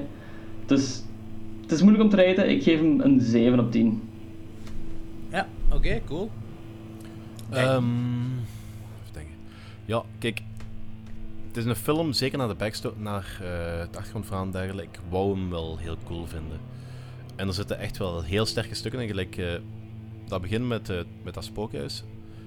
Vond ik heel cool. En dat je eruit komt en dat je zegt van... Dat ze zeggen van... Ja, maar... Het was zo kort. Ja, nee, het begint nu pas. Dat is wel heel sterk. Ja, ja. En daarna, de andere scènes, dan met die, dan met die ritsluitingen eigenlijk. En daar op het einde, dat waren allemaal heel sterke scènes, maar ik miste toch iets in die film. En Nog niet. meer bad shit insane dingen. Nee, niet per se, niet se, niet per se nog meer badge en zijn dingen, want het is... En dat is een van de weinige dingen dat je dit mij ooit zult horen, horen zeggen, maar het is misschien iets te badge insane en dat heeft hem... Ik kan nog niet met 100% zekerheid zeggen, gelijk ik zei, je moet hem nog eens een keer zien, maar... Ja, ik zit wel een wat zeggen, die- Nu zit ik een beetje met het idee dat het eh, de bad shit insane een beetje afbreuk heeft gedaan aan het geheel. En daar kan ik misschien weer op terugkomen, maar momenteel is dat wat ik in mijn hoofd heb. Alright. Dus, Ja, eh, maar- ik ga hem een Ja. 6 geven. Ik wil hem niet buizen, maar ik kan hem ook niet superveel geven. Ja. Dus jij vond hem ook niet entertainend? Stukken. En heel veel stukken waar je zegt zo. Oké, ja. Ik snap uw rating echt volledig, Sanne. Oké. Ja, ik snap het ergens ook wel. Ik ben volledig de andere kant wel. Ik vond die super entertainend van begin tot einde. Ik was vooral van begin meegesleurd. Al, alles klopte ook. De grote lijnen van het verhaal klopte ook in het verhaal. Ehm goh, ik, ik, ik apprecieer dat ze die kant zijn opgegaan, wat je normaal nooit ziet. Dat is ook te maken gewoon met die kerel drugsverslaafd. Dus ik- dat is inderdaad gewoon een, een passieproject van hem. En, en het is zijn film. Ehm ik vind het heel leuk dat ze heel veel dingen, heel veel setups hebben gedaan. En al die setups hebben ze verwezenlijkt ook in de derde act.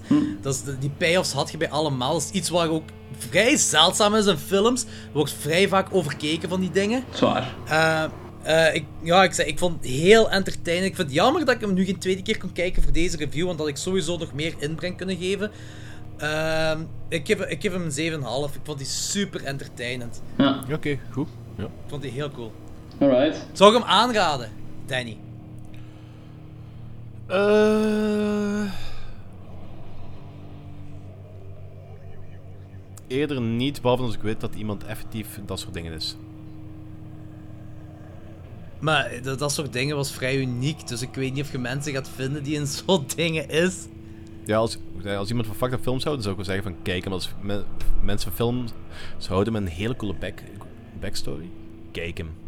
Maar het is niet gruwelijk of zo. Het is niet dat dat zo fucked up is, à la Serbian film of... of, eh, of Ja, nee, eh, zeker niet. We Are The Flash of zo, zo niet. Maar Dus ik kreeg is- wel zo wat van die ongemakkelijke momenten, gelijk met die Ja. met die kinderen. En ik kreeg ook zo'n eh, Devil's eh, Candy. eh, Ja, dat Ja, super Dus dat, dat, vond ik ook, dat vond ik ook wel weer cool. Dus Ja, dat is echt... Ehm, ja, oké. Nu hebben jullie gehoord. Een, een, een 7, 7,5 en een 6. Eh, ik raad hem sowieso aan. Ik vind dat een van de meest entertainende films. Waar je, of de, de meest zotte films ook de laatste jaren heb gezien. Super entertainend. Eh, ja, Logans denk ik ook wel. Ik kan, hem heel entertainend vond. ik kan hem ook alleen maar aanraden eigenlijk. Gewoon omdat het een vrij unieke kijk is gewoon. Zo. Ja. Kijk, kijk hem en zie wat je er zelf van vindt. Nee. ja, voilà. Ehm, Oké, voor de rest, geef ons een iTunes review, like ons op Facebook en Instagram, volg ons op Twitter en eh, eh, zoals iedere keer, we zijn te beluisteren op Soundcloud, eh, iTunes, Stitcher, Podcast Republic, andere podcast apps, whatever. Laat iets weten, geef, eh, Feedback, stuur ons een alles is Facebook geapprecieerd. Ja, inderdaad, voilà. Ehm, dat was het dan. Tot de volgende keer. Bye. Zeg, dag hè.